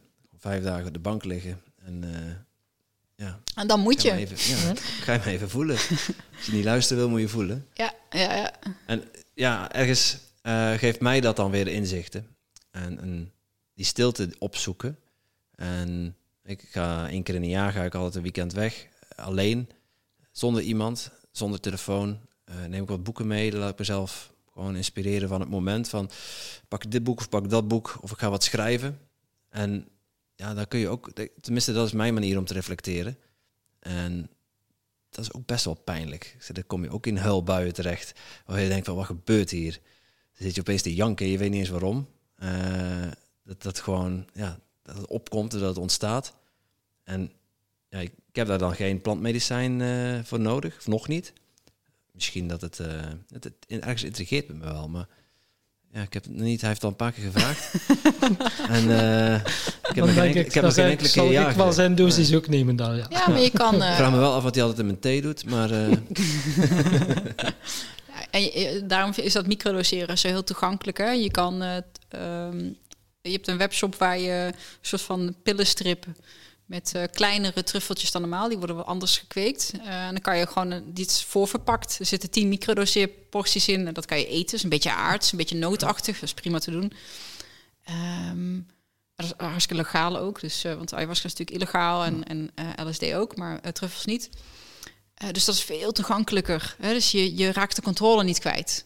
Ehm, maar je kan wel veel meer in contact komen met, met dus je emoties. En ja, ja, misschien moet je even huilen. Nou, en is dat erg? Is dat pijnlijk? Ik weet het niet. Het, is maar gewoon, het zijn maar gewoon tranen. Ja, alleen zijn Ja. met een gedachte kan best pijnlijk zijn hoor. Ik denk niet dat er heel veel mensen zijn die echt alleen kunnen zijn met een gedachte. Eh, dan wil je altijd vluchten. Je wil altijd wel iets doen. Eh, en dan gaan mensen drinken of eh, drugs gebruiken om te vluchten. Zeg Televisie maar. kijken, eten, werken, ja. Ja, die pizza, die zak chips leeg eten. porno. Ja, ja, ja, de hele, hele race maar op. En ja. mensen hebben het niet in de gaten dat ze het doen, maar je bent eigenlijk continu aan het vluchten, omdat je niet alleen durft te zijn met je gedachten. Omdat dat zo pijnlijk is. Dat lijkt me he- dat, dat- grappig dat je dat zegt. De eerste keer dat ik de Fishing Quest zelf deed, volgens mij was het ook de keer dat jij er misschien, eh, of de keer daarvoor, heb ik hem dus zelf gedaan in plaats van eh, gefaciliteerd. Eh, en dat was zo te gek, want daarna, ik heb gewoon een paar keer hardop op mezelf zitten lachen. En voor mij was de takeaway toen ook van, ik ben een hartstikke leuk gezelschap voor mezelf. Nou, dat, dat, dat was echt een eye-opener, jongen. Want ik, eigenlijk was ik, als ik jou zo hoor praten, denk ik echt, ja, dat was ik ook. En ben ik nu helemaal niet meer. Ehm sterker nog, ik vind het hartstikke fijn om alleen te zijn met mijn Voor eigen de, voor de gedachten. luisteraars, Ja, eh. Vision Quest, eh, kan je uitleggen wat dat, dat is? Ehm, ja, nou, een traditionele fishing quest is ehm, eh, drie dagen vasten in, in de, de, de, de wildernis, de woestenij. Vaak als onderdeel van een, dus een, een, een, een, rite of passage, een soort overgangsritueel, om een antwoord te krijgen op eh, vraagstukken die je hebt. Ehm, en vaak zit daar nog alles omheen, zoals een zweethut of een, hè, een ceremonie. Eh, wat ik al een paar jaar doe, is een soort hele lightweight versie daarvan voor degene die wij trainen in het bedrijfsleven. Zijn managers, eh, kenniswerkers. eh, die ga ik niet drie dagen laten vasten in, eh, in, in de bergen. Maar die gaan dan 24 uur in het bos zitten bij een boom. Zonder eten, zonder telefoon, zonder boeken. Met een tarpje om zich droog te houden en een hangmatje en een slaapzak en iets om te schrijven. En gewoon stilte, niks te doen. En dan kan je jezelf gigantisch in tegenkomen. Ja, want als je ja. niet met jezelf en je eigen gedachten kan zijn, ja, dan wil je dat niet, niks liever dan dat ontvluchten. Maar ga maar gewoon zitten. En blijf maar gewoon ademen. Je hoeft eigenlijk niet meer te doen dan te zitten en te ademen. That's it. Ehm, en dan kan van alles boven komen. Maar ja, ook daar is het gewoon blijven ademen. En dat ebt gewoon weer weg. Eh, en, het, het- en het kan prachtige inspiratie opleveren. En als je daar met een intentie naartoe gaat, van goh, nou hier wil ik wel eens even wat, wat langer over nadenken. Welke kant ga ik op? Waar liggen mijn talenten? Wat wil ik achter me laten? Wat dient mij niet meer? Ehm, ja, om dan die tijd daarvoor te nemen en die stilte te pakken. En ja, dat, dat, dat is eh, hoe, de vis, hoe ik de Fishing Quest hier organiseer. Dus gewoon 24 uur unpluggen Ja. eh, naast een boom. Eh, en voor de ene is dat 24 uur slapen. en bijkomen. Zou op zich ook wel deugd doen, ja. ja. Ja, nee, precies. En voor de andere is het eh, 24 uur mediteren. Of, of eh, de ene schrijft zijn boekje vol met... en de andere zegt, nee, oh, laat mij maar even lekker gewoon... eh, hè? naar de bloemetjes naar boven en, en de bijtjes... en lekker naar de wolken staren. Oh, fijn, even niks. Weet je, want we, moeten, we hebben altijd wat te- te doen. Je hebt altijd een agenda. Ja, je moet zoveel, en vooral van jezelf. En dan, dat, dit dwingt je om even niks te doen. Ja, en je kan het dus echt wel helemaal als een soort ritueel voor jezelf inzetten. Eh, Los van het feit is, hè, dat, dat je tot rust kan komen. Eh, kan je het ook inzetten om een periode te markeren. Bijvoorbeeld eh, start van een eh sabbatical heb ik al hier een keer gehad. Of iemand zegt, ja, ik, ik ben nu wel klaar om iets of iemand los te laten. Of om een nieuw hoofdstuk te beginnen. Of is toch fijn om een soort symbolische markering daarvan te hebben. Mm, jongeren een stukje zelfredzaamheid. Oh, mijn hemel, kan ik vier in het donker, in het bos, in mijn eentje? Eh, de mannen die doorgaans komen, die, die vinden het fijn. Even geen kinderen en even, geen, eh, even de vrouw thuis en eh, even voor mezelf. De vrouwen vinden het meestal heel spannend. En dat ze ook wel eens van tevoren bellen. Oh, ik durf, en ik had twee nachten niet geslapen. En de kinderen en oh, oh, en een nacht. En oh, Voordat ze hier komen. voordat ze Ja, hier ja. komen. En dan toch blijven. En er is natuurlijk begeleiding en het wordt voorbereid. En je, hè, dat komt ook af en toe iemand langs om te kijken hoe het gaat. En je wordt gemonitord. En we hebben een GPS-trekker op je. Dus, hè, het Geen is- mobiele telefoon. maar ge- wel een GPS eh, krijgen ze mee, maar geen mobiele telefoon. Is dat eh, een stukje zelfredzaamheid. En dat je dan beseft als mens, jij zijn we voor gemaakt natuurlijk. Ja. Wauw, ik kan dit. Eh, was helemaal niet zo eng. Ik vond het eigenlijk wel lekker. Jeetje, ben ik trots op mezelf, weet je. En als, of dat iemand zegt, ik ben best wel leuk gezelschap voor mezelf. Dat kan je iemand niet vertellen. Dat moet je zelf meemaken en zelf de conclusie trekken. En dat, daarom denk ik dat ik ayahuasca of plantmedicijn of psychedelica... Je trekt soms conclusies die niemand je aandraagt... die uit jou of uit het veld, Ja. het universum komen... Maar omdat jij hem trekt en hem helemaal doorvoelt en doorleeft... en ze zijn vaak heel simpel, maar dan zijn ze zo eye-opener... ik ben leuk gezelschap voor mezelf. Ja. Als je daar wat langer over denk ik... wow, dat, dat gaat door merg en been. Als je dat echt... wow. Dat is soms zot, hè? Of zo iedereen, ja, iedereen is licht en liefde gelezen dat in een boek. Ja, het zal wel. Het zal wel. Maar met, met ayahuasca ervaarde het ook en voelde het ook. Ah, dat is licht en liefde. Ah, dat is joy. Dat is die gelukzaligheid. En je weet het dan. En dan denk je zo, wauw. Het zit in je Het lijf zit in je en je hebt het helemaal doorvoeld. En dan de moeilijkheid is dan hè, daarna niet weer terug naar ja, hè, terug in de, de, de, de, de- De rat race. ja. ehm, en wat doe je dan daarna mee? Hè? Wat betekent dat dan daarna voor jou en de mensen om je heen? En eh, ik vond het heel mooi dat ze bij die retreat van afgelopen weekend ook zeiden van neem drie maanden na, neem geen grote levensbeslissingen. Misschien zelfs wel de eerste zes maanden niet. Geef jezelf ook de tijd. Ga niet meteen van baan en partner en stad of land wisselen. Ehm, maar ja, de- de, de inzicht en de conclusies zijn in- soms zijn ze zo simpel en zo klein dat je denkt, hè, Ja. moest je nou daarvoor? Hè? Ja. Maar ja, ja, blijkbaar wel. Ja, maar die andere mensen zijn dan ook echt onwetend, hè? Want die zitten wel s'avonds naar Netflix te kijken en die zak chips leeg te vreten. En dan zeggen ze tegen, tegen ja, mensen die dat dan wel proberen, van ah, heb je dat dan nodig en eh, moet je dan helemaal naar daar voor dat te doen? Ja, je weet niet wat je mist. Dat is, Het toch niet, dat is toch niet gezond? En dan denk ik, ja, moet u dus zitten. Het 40 grappige is, ik doe nog steeds Netflix en chips. Maar het is bijvoorbeeld, die avond doe ik ook yoga en sauna. En misschien even journalen. En eet ik niet een hele zak chips, maar een, een kommetje. Ja, het En is het niet, en is het niet vier eh, Netflix-afleveringen achter elkaar, maar twee. Hè, dus het is niet dat ik, oh, en dat is dan slecht en dat mag je niet bedoen. Maar mijn scala aan eh, manieren om goed voor mezelf te zorgen, om te ontspannen, tot rust te komen, eh, is gewoon groter geworden. Mijn toolkit is groter geworden. Ehm, waardoor ik dus minder tijd over heb voor de negatieve dingen. En die mag ik. En het werkt voor mij en voor heel veel mensen denk ik niet om te zeggen: oh, maar dit mag niet, want dit is slecht. Nou, in mijn hoofd denkt dan meteen. Zullen we nog wel eens even zien wat ik wel en niet mag. Toch? Dat is Ja. wat er dan gebeurt. Ja. Totdat, tot ik zelf de conclusie dat ja, maar wacht eens even. Waarom zou ik iets willen doen wat slecht voor me is? Wat voor een, hè? Ja. Ja, dat, is ja, wat dan zelfliefde voor mij een soort van de uitkomst daarvan is, is dat, je, dat ik op deze manier kijk naar wat goed en wat slecht voor me is. Niet als een soort van straf. En hoe doe je dat? Dus hoe eh, mild zijn voor jezelf? Dat vind ik wel een, een hele moeilijke. Vind ik ook verschrikkelijk moeilijk.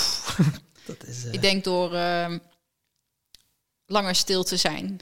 Wel, vaak is de eerste gedachte die oplopt. En moet ik, hoef ik die even niet uit te spreken. Of ook niet te lang bij stil te staan. Maar daar zit onzekerheid. En daar zit hardheid. En daar zit oordeel. Ja, dat is, goh, eh, dat is al 40 jaar zo geconditioneerd. Eh, maar nu weet ik, nou, als ik die even voorbij laat gaan, dan komt er daarna een ander inzicht of een ander perspectief of een andere gedachte of het, een ander thema. Het is dan niet meer relevant. Dus het niet vast willen pakken. Maar ze, ze borrelen nog steeds op. ja, En ik denk dat dat ook gewoon ja, altijd zo zal blijven. Ja. Ehm, Ja, nu, alleen is nu dat je er niet meer voor moet vluchten. Dat je kan zeggen, hé, hey, dat is interessant. ja, ja. En eh, ja, Jan Geurts, hè, geef niks mag best, laat mij maar even. Dus een beetje zijn mantra, zo van, joh, is oké, laat mij maar even. En vaak is het dat het ook van, laat, laat mij even. Hè. Ga er niet mee in discussie. Je mag eh, je wil het ook niet vastpakken, maar ook niet wegduwen. Maar het er gewoon even laten zijn. En vijf keer een buikademhaling en het is weg. Maar je moet wel die vijf keer En buikademhaling... eraan denken, ja. Heel lang voordat je het dan toch maar gaat doen of niet doen. Ja, Ja, de goed bedoelde adviezen die mensen dan willen geven. is soms ook niet nodig. Soms gewoon, ja, gewoon er zijn voor iemand is al voldoende. ja. ja wat ik zei in het begin van COVID, die vele boswandelingen met mijn vriend. Die, ergens wil je iemand troosten. En, maar je kan iemand die in zo'n angst zit. Ik denk, ik kan niet proberen om rationeel jouw angst goed te praten. Want dan ga ik op dat niveau met jou in gesprek. Het enige wat ik kan doen is jou naast jou lopen en je knuffelen en liefhebben. En ook niet per se met je in gesprek gaan. Eh, Doe maar. En ik voel me ook niet eh, het feit dat jij even moet huilen of niet lekker in vel zit of misschien een beetje chagrijnig bent. Ja, het gaat niet over mij, weet je wel. En dan schakelt er ook iets uit of zo. Dan ben je er gewoon voor iemand. Maar je gaat hem niet troosten. Zo van, ah, komt wel goed. Weet je wel, dat is een beetje ja, denigrerend ook of zo. Want alsof het niet mag.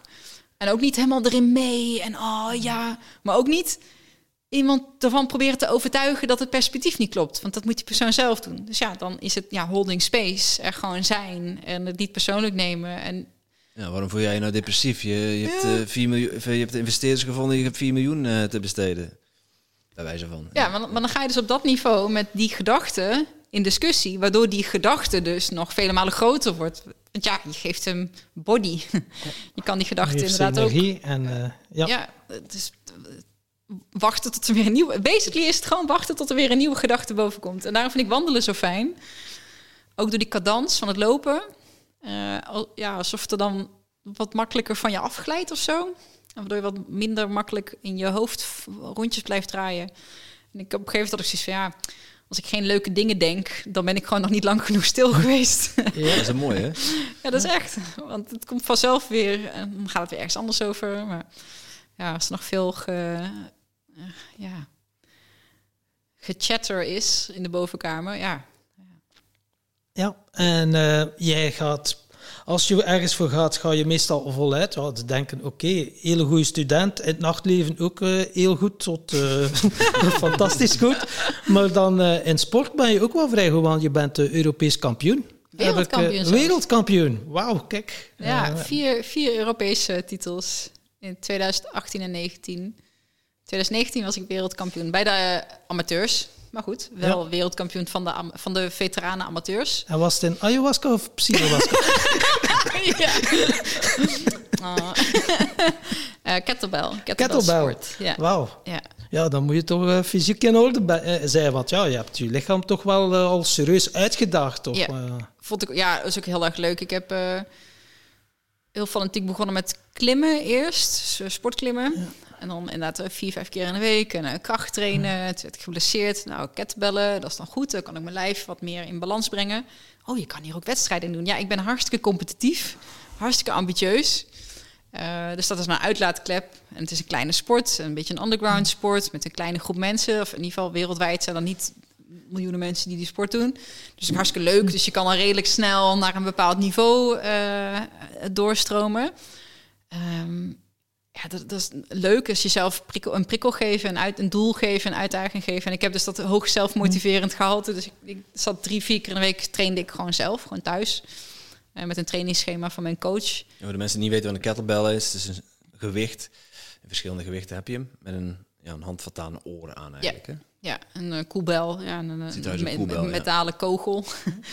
Eh, en de sport is dan om die... Ik, voor mijn categorie, dus eh, dames eh, tussen de 40 en de 45... en eh, 35, 40 is nog... ehm, was van 16 kilo. En je krijgt dan 10 minuten de tijd. En dan zitten er twee Russische scheidsrechters... zitten dan zo voor je neus te kijken wat je doet. Dan sta je op een podium, loopt de timer voor 10 minuten... en dan moet je snatches maken. En een snatch is dus een vloeiende beweging van beneden naar boven... En als die bo- met één hand. Eh, en dan kijkt de judge kijkt of de kettlebell doodstil hangt. Of je elleboog en je knieën eh, helemaal gestrekt zijn. Dus je moet helemaal even helemaal stil. En dan mag hij naar beneden en dan mag hij weer omhoog. Ehm, Tien en- minuten. en tien minuten. Dus vijf minuten op elke hand. Met, met 16 kilo zwaaien. Eigenlijk zonder, zonder rust. Wauw. Pittig. Ik heb er een van 16 kilo. En eh, ja, ik moet zeggen, ik ben geen dame, maar eh, ik vind hem vrij heavy. Voor mannen is dat 24 kilo bij de amateurs. Dus een soortgelijke is te zwaar voor mij. Ja, ja. En de, de pro's, want de pro-dames doen dus een snatch met 24 kilo. Ik heb één keer met de pro's eh, meegedaan. V- voor een man is dat met 32 kilo Wow. Wauw. op één hand. 10 minuten. Wauw. En dan heb je nog de, eh, je hebt dan de snatch. En je hebt ook de, een long cycle. Een long cycle heb je twee kettlebells vast. En dan zet je hem, dus eerst hou je hem hier. Dus je, je rekt hem. Dus je, je hebt, ehm, ik moet even een bruggetje maken naar het Olympisch gewichtheffen. Want dat kennen de meeste mensen wel. Je hebt Olympisch gewichtheffen dat je in één keer de stang omhoog. Of je hebt Olympisch gewichtheffen eh, dat ze hem eerst hier op de borst zetten. En dan stoten ze nog Dan een keer uit boven, ja. Ze, boven hun hoofd. En met kettlebellen heb je dat dus ook. Dus je hebt in één keer omhoog, dat is een snatch. Of je hebt dat je hem eerst op je borst brengt. En dan nog een keertje uitstoot boven je hoofd. Nou, en met kettlebell noem je dat long cycle. En dan doe je dus met dames met één. En heren doen dat dus met twee kettlebells. Met twee keer 32 32 kilo. kilo. Sta je... Dat is gewoon mijn gewicht, hè. Dus, nou, iets meer. je staat dus een, per, een persoon Ja. in twee losse eh, ballen. Tien minuten lang ja, te bewegen en dan zo snel mogelijk. Nou, om, om daar de toppers van de... Dat, zijn allemaal Russen, maar... Dat is, dat is eh, bovenmenselijk. En dat is Insane. zo, zo verschrikkelijk technisch. Want het voelt heel zwaar. Maar als je meebeweegt met de beweging... Dat, is, dat je met eh, bepaalde vechtsporten... Hè, met het, je tegenstander kan, die kracht kan inzetten... kan je zo'n kettlebell, zo'n swing, zo'n pendulum... dat kan het heel zwaar maken. Of je kan het in je voordeel inzetten als je kan het een beetje sturen. Eh, en dat is natuurlijk de uitdaging van het kettlebell. Ik hoef niet oneindig veel sterker te worden. Ik moet eigenlijk oneindig veel meer techniek eh, en duur eh Souplesse eigenlijk een Ja. beetje. Ja. Vanaf het moment dat ik leerde mediteren, bijvoorbeeld, en een keertje heel ziek was vlak voor een wedstrijd, en ik dacht, ah, pff, hoeft allemaal niet, maar ik doe het toch maar, gewoon voor de lol. En toen ging het in één keer supergoed. Want dan is dat hoofd is rustig en dan zijn die spieren zijn wat rustiger. En dan kan je dus veel meer Op techniek. op techniek meebewegen in plaats van vanuit kracht en power eh, aan willen zetten. Ja, want dat is dan het idee van je, je hebt zodanig veel gewicht in je handen dat het op kracht op een gegeven moment niet meer gaat. Want je Ja. hebt alles verzuurt. Ja. En dan is vijf minuten heel lang als je iets vast wil houden als dit, eh, als je onderarm verzuurd is. Ja. Dat lukt niet. Nee, dus Nee. Zeg je dat, pak maar eens een, een, een gewicht van 1 kilo. Pak maar eens een pak zout. Hè? En, je houdt dat kilo. zo beneden je En- vast. Ja, zo, en, ja. en, en je klemt het tussen je, tussen je handen. Ja. En dan dat het gewicht naar beneden hangt, dat je, dat je het moet tegenhouden. Naar je arm strekken. Dan eh hou dat maar vijf minuten vol. Ja. Is echt, eh, ja, ik daag de mensen uit. Maar als je, het zo, als je hem zo doet, en je laat hem swingen, eh, dus dan heb je ook een soort van dood punt ergens in zo'n pendulum. En op die dode punten, daar pak je dan heel subtiel je rust. Dus het is heel, heel, heel veel souplesse en finesse komt erbij kijken. En je hebt heel veel gevoel in je, je proprioceptie, dus waar je, je lichaam is. En dat, daar is oneindig veel in te tweaken en nog te perfectioneren. En ja, dat- ik vond het prachtig. Want het kon dat hoofd, het kon daar lekker eh, op zich op stuk. ja, en die competitiebeesten jou kan ook zijn ding doen. Ja. En En de- uiteindelijk was de, de doorslaggevende, hè, dus om de, om de next step te maken naar meer dan 200 herhalingen. Want uiteindelijk heb ik twee, een keer twee, mijn max is 221 geloof ik, dus 221 snatches. 10 minuten. Op 10 minuten. Wauw. Dus ja, zeg maar ook meer dan 20 snatches per minuut. Ehm, dat kon ik alleen maken door die ontspanning in mijn hoofd. Dus dat die microspanningen in je spieren. Als je dan toch, je vindt het spannend en je vindt het eng. En dan ga je net iets sneller verzuren. En dat wordt dan, ja, dat telt allemaal bij elkaar op. Terwijl als je gewoon rustig en relaxed blijft. En, en ja, dan, dan heb je dat niet. En dan kan je dus in één keer doorgaan waar je eerst niet door kon gaan. En dat bereikte ik dus niet door harder te trainen. Maar door minder hard te willen. En dan is ook wel een stukje ook weer. Ook weer loslaten. mindset. Was dat zo, je begon met kettlebell, direct het doel, ik wil Europees kampioen worden? Of is dat eh, zo... Nee, dat is heel eh, grappig. Ik had er met een eh, vriendin van mij had ik Love Fit Food. Dus we hadden heel bezig met voeding en, en training en mindset. Dat was eigenlijk hetgene waarmee ik van een vaste baan naar ondernemerschap ben gegaan. Dat was een soort van blog en eh dat vond ik hartstikke leuk. En zij was van het kettlebellen. Het waren we een keer ergens eh, op een eh, bodybuilding event. Want zij, zij kwam een beetje uit die wereld. Nou, leuk, gaan we kijken. Ze kennen daar wel de mensen. En er was daar allerlei eh, kraampjes en nog andere ehm, eh, exposities of zo. Hè. Allerlei sporten die ze dan ook laten zien. Een beetje daar. Ja, je hebt toch wat te doen op zo'n event. En er stonden dus ergens in een hoekje achterin stonden een paar mensen met een kettlebell. En wij zo kijken. Oh, dat is wat voor jou, Mike. Jij bent van het kettlebellen. Stond ik ernaast en denk, oh, dus Nederlands kampioenschap. Huh? Is er een Nederlands kampioenschap kettlebell? Hm, hier moet ik weer van weten. en dan zei ook lekker arrogant en terecht, want ze was hartstikke fit. Nou, dit... eh, kom maar door, ik zie hoe jullie eruit zien. Volgens mij, weet je wel. Dus uiteindelijk zijn we dus iemand gevonden in Nederland. Naomi Koiker van Jaap's Gym. Dat is een, een gym in Oldenzaal. Die gaf daar workshops in, in kettlebell sport. Want wij dachten, hey, dat is niet de kettlebell uit de sportschool, want die zijn zwart. Deze hebben een kleur en een andere soort handvat. En ze zijn allemaal even groot. Oh, dit zijn andere kettlebells. Andere techniek ook. Het ziet eruit alsof ze maar gewoon een beetje staan te lantefanteren. Maar dat is die ontspanning die je dus nodig hebt. Dat ziet er niet uit alsof je het heel zwaar hebt. Ik dacht, oh, nou, laten we een keer een workshop doen. Dus wij naar Oldenzaal met z'n tweeën. Ik eigenlijk gewoon voor de sier mee. Zodat ze niet alleen hoefden. Of een beetje voor spek en bonen. Is jouw sport. Doe maar. We stonden daar in die workshop. En haar, ja, het lukte er niet om het het klikte net niet, zeg maar. Het is een hele andere techniek dan, dan de, de, eh, de normale stijl van kettlebell. En ik stond en dacht, oh, het gaat eigenlijk best wel lekker. En die coach zei, oh, je hebt wel talent, aanleg ervoor. Dus het was nog wel onderling ook nog wel een beetje, ja, shit, jij wilde dit gaan doen omdat je misschien Nederlands, hè, een Nederlands kampioenschap mee wilt doen. Ga ik jou niet op je teentjes trappen? Wat vindt jou, hè, jou en mijn ego ervan als, eh, ja, als ik dit ga doen? Eh, nou, een goed gesprek later, was een goede vriendin. Dus dan uh, ik kon ook wel om lachen, weet je wel. Ah. Liet, liet sprongelijk de op je tenen vallen. Ja. Daar hebben we niet meer over. Um, ja, dus ik ben dat gewoon gaan doen. En zij is op een gegeven moment meer de survival uh, trainingen gaan doen. En dat dingen die ik echt absoluut helemaal niet kan. Maar dus ik ben daar gewoon bij haar gaan trainen. Dus ik had een schemaatje mee en dan ging ik één keer in de zoveel tijd ging ik daar naartoe. En dan gingen ze weer techniekdingetjes uitleren. En zo steeds bouw je die techniek langzaam op. Wat ik al zeg, het is een hele kleine sport. Dus dan is er in Nederland een keer een wedstrijd. En dan is er een keer ergens in uh, Dublin is er een Europees kampioenschap. Ah, leuk lachen, weet je wel. Voor een paar, uh, voor een paar honderd euro ben je zo op een plek ergens anders in Europa... waar je zo'n event mee kan doen. Hartstikke leuk. Dus de, ja, zo is dat uh, gegaan. Dus dan inderdaad vier, vier keer goud op Europees. Wow. Um, en, en soms zit je met twintig man in een pool. En soms zitten er maar drie ja, dan heb je al automatisch brons. Ja, weet je, dat maakt het wel minder leuk. Anderzijds denk ik, ja, jullie zijn er niet. Dus van de mensen die er zijn, heb ik wel gewonnen, snap je? Ja, zeker. en het is ook niet dat ik het dan binnen met 100 herhalingen of zo. Het zijn er dan nog steeds Ja, ja. tuurlijk. 180 of eh, uiteindelijk ook boven de 200. Dus eh, ja, het is gewoon, ik vind het een fantastische sport. Korte trainingen, 20 minuten, korte wedstrijd. 10 Nu nog minuten. altijd? De, Nee. nee. Nee, ik eh, natuurlijk als je zo hoog niveau en hard traint. eh, en ik wilde ook naar de professionele klasses met 24 kilo ook nog een tijdje naartoe gewerkt. Ehm, ik had al blessures van het klimmen. Op een gegeven ja, deed her en der wat pijn. En nu eh, doe ik yoga, elke dag yin yoga. En dat is totaal niet op kracht. En dat is veel meer die aanhechtingen en flexibiliteit. En dan denk ik, weet je, mijn lijf heeft ook nog nooit zo goed uitgezien als nu.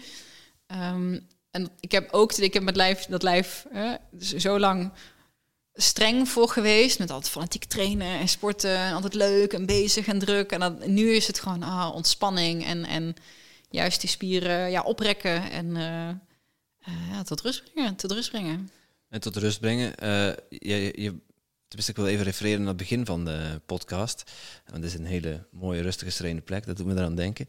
Ehm, maar je had het over 12 waves. Moest, moesten mensen niet weten wat 12, se- 12 waves is? Kun je kort even toelichten? Of Ja? Dus dan- ehm, dit is een van de pijlers waar jullie heen willen. Maar ehm, ik heb 12 waves op een andere manier leren kennen. Ja, jij was een van de, helemaal in, in, de, nou, in de begintijd eh, nog. Ehm Telfeus is een, een opleidings- of een trainingsbedrijf, instituut. Wat zowel bij bedrijven intern als op basis van open inschrijving, dus eh, trainingen aanbiedt op het gebied van persoonlijk leiderschap.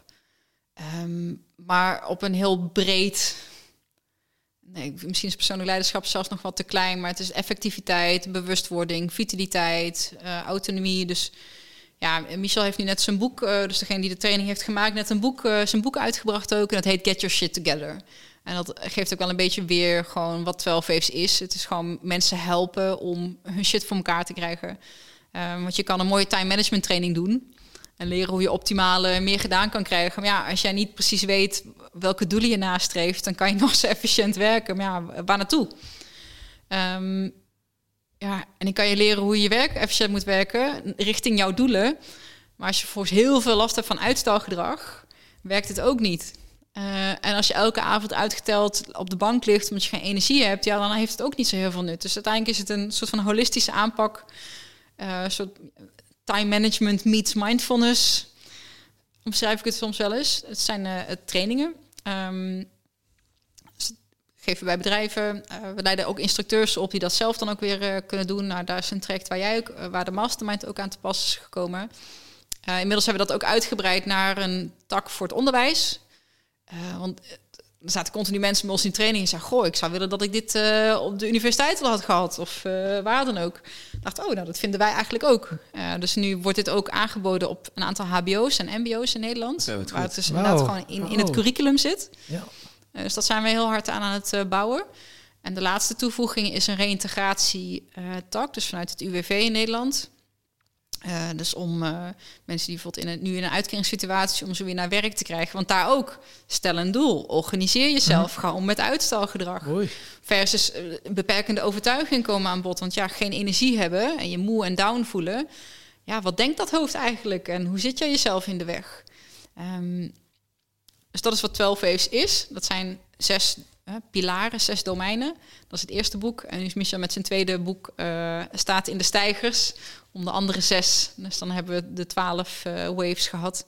Ja. En dat, is het, dat gaat volledig over overtuiging. Waar het eerste boek ging over organiseren, gaat het tweede boek over je overtuiging. Ja, we hadden Michel ook gevraagd voor de zomertour, maar er was geen plek meer in onze agenda. Dus, eh, Oh, ja, hij heeft ja, vakantie nu ook. Dus, ja, eh, hij had zijn telefoon twee weken uitstaan. ja, En, toen was onze agenda vol, dus dan moet hij maar wachten op onze volgende tour. jammer voor hem. Ja, nou goed, het is. En ik vind het ergens ook wel knap. Ik zou ook wat vaker eh, mijn agenda of mijn, vakanties wat beter moeten bewaken. Zeker. Want er zijn altijd Ja. leuke dingen te doen en interessante mensen om te te lezen ook. Toen ik een berichtje terugkreeg van hem, van eh, mijn telefoon stond uit. Dus eh, ook gewoon twee weken later. Ik dacht van, oh wat heerlijk. Dat wil ik ook eigenlijk, ja. ja. Ja. Maar ehm, ja, hoe, hoe ben jij daarin verzeild geraakt? Want je hebt dan een keer een training gevolgd. Via, Ehm, eind, via de eindbaas. Uiteindelijk via Oh, de eindbaas podcast. Volgens mij hadden ze toen tien afleveringen gedaan of zo. Toen hoorde ik eentje en vond ik het eerst echt helemaal niks. Ehm, En toen hoorde ik hem inderdaad praten over 12 Faves en over, het jaarprogramma, over een wat hij toen had, zijn eerste pilot. En gemaild en ik, het was toen te duur voor mij. En uh, toen had een kennis van mij had de online training van hem gekocht, die toen nog maar net af had, of eigenlijk nog niet af had, maar iemand had hem gekocht, dus hij moest hem afmaken. Um, en die heeft mij toen gevraagd van, goh, wil jij mijn wingman zijn? Dus wil jij dat trek meelopen als mijn buddy, zodat we elkaar daarvoor kunnen spotten en accountable kunnen houden? Ja, leuk. Dus ik hoorde die video's die Michel had ingesproken voor die online uh, training. En toen dacht ik, hey, ik, uh, het zijn allemaal een beetje dezelfde boeken en dezelfde thema's. Alleen jij weet daar dan weer die praktische vertaalslag aan toe te voegen met oefeningetjes en opdrachten die dus ja, leuk zijn om te doen. Maar dan doe je dat een half jaar. En dan kijk je en denk je, oh, maar wacht eens even, dingen gebeuren nu wel. dat momentum, wat hij omschrijft, van waarom, we dit, waarom doe je dit? Ja, om momentum te genereren richting hetgeen ja, waar je naartoe wil. Ja. En dan merk je dat dat dus werkt.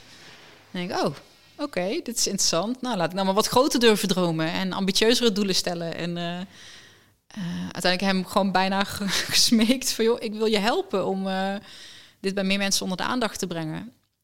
En wilde mij ook helemaal niet erbij.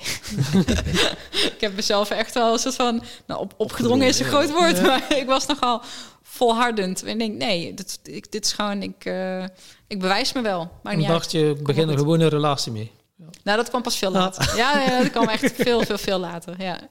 ja. En uh, uiteindelijk, um, met, met 12 Waves, uh, ik, ik zat in, in een mastermind, maar jij hebt ook een mastermind gedraaid. Um, is misschien wel leuk om het om nog kort even over het mastermind principe te hebben. Um, een mastermind is eigenlijk een groep mensen waar je je mee omringt. Uh, de bedoeling is dat uh, degene waar je mee omringt slimmer zijn dan jezelf. Dat is uh, de truc voor, voor iemand die een mastermind organiseert. Maar dat je ja, eigenlijk de, de kracht van de groep gebruikt om zelf en, en, en ieder lid individueel van de groep verder te brengen. Um, hoe, hoe heb jij dat ervaren en, en hoe heb jij dat aangepakt, jouw mastermind? Uh, eerst heel laagdrempelig, gewoon met mensen uit mijn omgeving. Joh, weet je, we huren een ruimte en we betalen ons eigen koffie-thee. Weet je, dus zonder businessmodel eronder. Uh, en meteen in die eerste keer dat we bij elkaar kwamen, dat waren ook startende ondernemers, gewoon de mensen uit mijn netwerk. Dat je dan dingen ziet die er gebeuren en denk, oh, wauw. Dus dat er in, die setting, omdat ze wel jou kennen, maar elkaar niet, uh, zat iemand die zat in de paleo-hoek. En die had kookboeken gemaakt over paleo-dieet. En die zei, goh, en haar casus, zij was aan de beurt. En zei, ja, ik eh, ben nog wel op zoek naar plekken om bij de Ecoplaza wil ik eigenlijk mijn boek in de schappen hebben. Kunnen jullie, hè, wat zouden jullie me mee kunnen denken? Hoe zou ik dat aan kunnen pakken? En toen zat een andere dame, die stak de hand op en die zegt... Mijn vader heeft uh, vijf Ecoplaza-vestigingen in het oosten van het land. Ik kan hem wel even aan je introduceren. Toen dacht ik, I think we're on to something. Weet je wel, want je weet het niet. je, maar zet die netwerken bij elkaar. Eh, misschien zit er in jouw netwerk en in jouw skills en expertise en dingen die je hebt gezien en meegemaakt. En zitten daar wel goudmijn, hè, goudklompjes voor mij in. En dan kom je pas achter doordat ik uitspreek van goh, uh, waar ik nou ja, uh, hulp, hulp bij nodig heb, wat ik graag op tafel breng. En er zit altijd iemand die zegt, ah, maar je moet eens even met die gaan praten. Of heb je hier al aan gedacht? Of Um, ze moeten niet per se slimmer zijn, maar ik denk als die groep divers is, vond ik ook wel wat wel interessant om niet alleen maar vitaliteit of alleen maar sport of alleen maar leiderschap te hebben, is dat je merkt dat je als collectief zoveel meer bent dan hè, de, de, de, individuele uh, persoontjes die er daar zitten. Dus ik heb dat ervaren als bijzonder vruchtbaar, altijd. Altijd van die kippenvelmomenten. Mijn eigen grootste doorbraken zaten er ook, want elke maand of elke zes weken met de groep bij elkaar komen en ook accountable worden gehouden voor je eigen doelen, dat is al heel sterk. Maar dus ook doorhebben op een gegeven moment van, oh, maar waar zit mijn lek, weet je wel? Uh, waar zit mijn... blinde vlekken. Mijn blinde vlek. En uh, dat iemand zegt op een gegeven moment, ja, een jongen die wilde een boek schrijven en al zes maanden of eh, zes bijeenkomsten. Ja, nee, volgende keer begin ik echt. En dat, je daar als groep dan ook op wordt gespiegeld. Ja, dat hebben we nu al zo vaak gehoord. Nu, willen we, nu moeten we er iets tegenover stellen. Een soort van boeteclausule. Als je nou volgende keer nog steeds niet, dan betaal jij de lunch. Weet je wel? Uh, dus het werkt ontzettend motiverend. Um, maar ook mijn eigen grootste doorbraak. En dan durven te herkennen van ja, mijn financiën is gewoon een daar, loop ik op leeg. Ik, ik heb dat genegeerd, ik pak dat verkeerd aan. En om dat dan uit te spreken voor een groep, en dan ook moet huilen natuurlijk, of een partnership, een zakelijke partnership, waarvan je eigenlijk al weet dat die niet meer werkt. en dat dan, hè, dan bespreek je dat en dan wordt dan wel de conclusie van ja, je moet ermee stoppen. Dus je, je ja, je, je, ehm, eh, je, je, je kan jezelf niet verstoppen als je ervoor open staat. Ja, je kan jezelf ook niet verstoppen achter je eigen bullshit meer. Althans, als je het serieus neemt. Hè, want je kan nog steeds zitten en niks zeggen en, en het niet, eh, niet serieus nemen. Ehm, Ja, dan word je de rest wel op de korrel genomen. Dat is dan ook, zo werkt het dan ook. ja. En er ontstaan mooie dingen uit, eh, of niet om. Ja. Ja, dat mag je wel stellen. Ja, Ja. Ja. Deze podcast eh, had niet bestaan zonder, eh, zonder Mastermind. Ja en ook dankzij eindbazen eigenlijk een beetje. Het is wel de combinatie eindbazen Thijs Lindhout. Ik voor de eindbazen Thijs Lindhout dacht in Vlaanderen hebben wij dat helemaal niet zo'n podcast. Ik zei hoe ferm zou het zijn?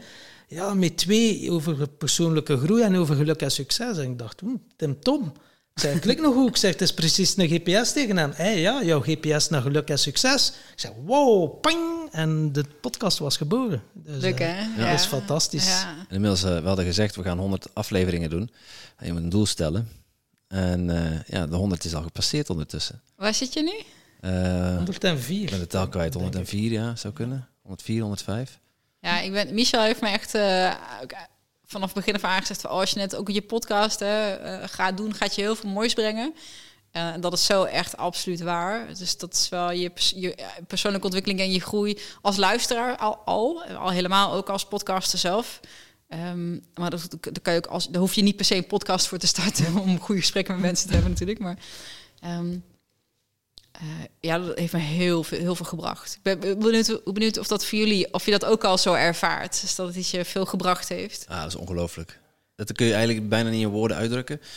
Maar het netwerk waar je dan overhoudt, de leuke connecties met mensen, eh, deuren die open gaan, die anders gewoon echt gesloten blijven. Eh, maar ook via via, hè, dus dat je, het is dus ook wel een klein wereldje. Zeker als je dan een specifieke niche gaat podcasten. Bij ons gaat het dan over persoonlijke ontwikkeling en gelukkig succes. Ja, goed, jij hebt de transformatiepodcast. Ja, het is wel dezelfde niche, dezelfde hoek. En ja, je ziet wel dat, eh, dat je dan een beetje gaat shoppen. Eh, dat we gaan kijken van wie heb jij te gast gehad en eh, wat vonden we leuke, inspirerende mensen. Oh, daar willen we dan ook wel eens mee spreken. Ja. Maar aan de andere kant ook, ja, wij zijn bezig met het oprichten van een bedrijf en dan, ja, wie of wat heb je nodig? Ik, moet- En- ik wil trouwens heel even checken of, zij, of hij de laptop niet eh, Oké, nodig ja. heeft. Oké, hij probleem. mag ook gewoon binnenlopen. hè? Ja, Dus, maar eh, dat zal ik even tegen hem zeggen. ja. Want Ja. hij zit natuurlijk te wachten tot wij, denk ik, we eh, een klaar, open format. klaar en dan, zijn. eh, ja, ja. Ja, Ja. geen probleem. Maar ja, het kan wel zeggen dat het ons al wel een en ander gebracht heeft, Tom. Ja. Dat moet je wel stellen. Uiteindelijk, eh, ja, en nu al die Nederlandse zomertour, wat inspiratie en wat uitzonderlijke gesprekken, dan we nu ook weer dat gesprek. Zo leuk, zo in flow. En je komt nog eens op plekken. Ja, dat is waar. Ja. Ik zeg, die, die, die tour, die, we voelen wel dat dit ook wel een transformatiepunt is. En wij doen ook wel gekke dingen natuurlijk. Eh, podcast starten is sowieso al uitdagend. Het vraagt heel veel tijd en energie. En ja, we doen nu een week lang de zomertour, de Tim Tom Podcast Zomertour. En daar kunnen we dan ook wekenlang opteren. Maar het is wel uitdagend hoor. Zo twee, drie podcasts per dag. En wij hebben geen podcast van 20 minuten, maar die duren minstens anderhalf uur tot soms twee, tweeënhalf uur. We hebben erbij van drie uur. Ja. Ja, dat is eh, ja, op zo'n korte tijd is wel heel vermoeiend, maar ook wel weer magisch. Want je krijgt, je krijgt bepaalde boodschappen van mensen. Hè? Dus, dus jij zit dingen te zeggen eh, die bij ons resoneren. En dan andere gasten zeggen dan iets gelijkaardigs. Of, en dan sommige dingen worden er drie of vier keer herhaald. En omdat we ze nu op zo'n korte tijd achter elkaar doen, wordt het heel duidelijk wat, ja, wat dan de boodschap voor ons is. Op Ah. onbewust niveau. Ja, ja. En ja, de voor- en nabesprekingen ook. Want ja, dit, dit is nu opgenomen. Maar er zit ook een stukje voor en een stukje na. Vind ik zelf ook wel altijd eh, heel boeiend. En daar maak je dan die connectie. Ja. Hey, we hebben nu een, een gesprek. En als je een echt gesprek hebt met mensen en je, hebt, je kunt de diepgang ingaan, dan ja, ontstaat er ook iets moois. En ja, er zijn ook al mooie vriendschappen uit ontstaan. Dus ja, is eh, voor En ons. heeft- nogmaals, ook voor degenen die luisteren, hier hoef je niet per se een podcast voor te starten. Nee, absoluut niet. je kan ook gewoon voeren, wat ja. vaker eens met mensen en gewoon je telefoon even uitzetten of even niet Ja. bij je hebben en gewoon echt even de tijd voor elkaar nemen. Want gek Ja. genoeg doe dat wel als je op record drukt. Ja, die van mij staat op vliegtuigmodus. Maar Ja. waarom zou je niet, je telefoon niet op vliegtuigmodus zetten als je gewoon eens een gesprek hebt met iemand? Dat bedoel ik, ja. Ja. We hadden gisteravond ook een heel leuk gesprek met de dame waar wij, eh, waar wij logeren.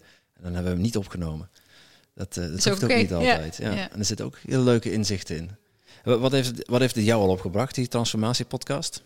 Ehm, nou, uiteindelijk hier dat ik hier op dit landgoed eh eh ben geland. Maar ehm, ja, ik denk, nou niet ik denk.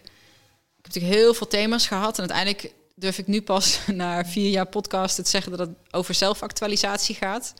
Vond ik eerst een beetje pretentieus en eh, wat weet ik nou. En, maar uiteindelijk als ik terugkijk naar, het gaat over zelfvertrouwen en verslaving. Hè. Dus eigenlijk eerst je, je veiligheid en uiteindelijk ook je groei en je motivaties en je dromen en je wensen. En om jezelf te kunnen overstijgen, om ook weer te ontpoppen naar iets nieuws.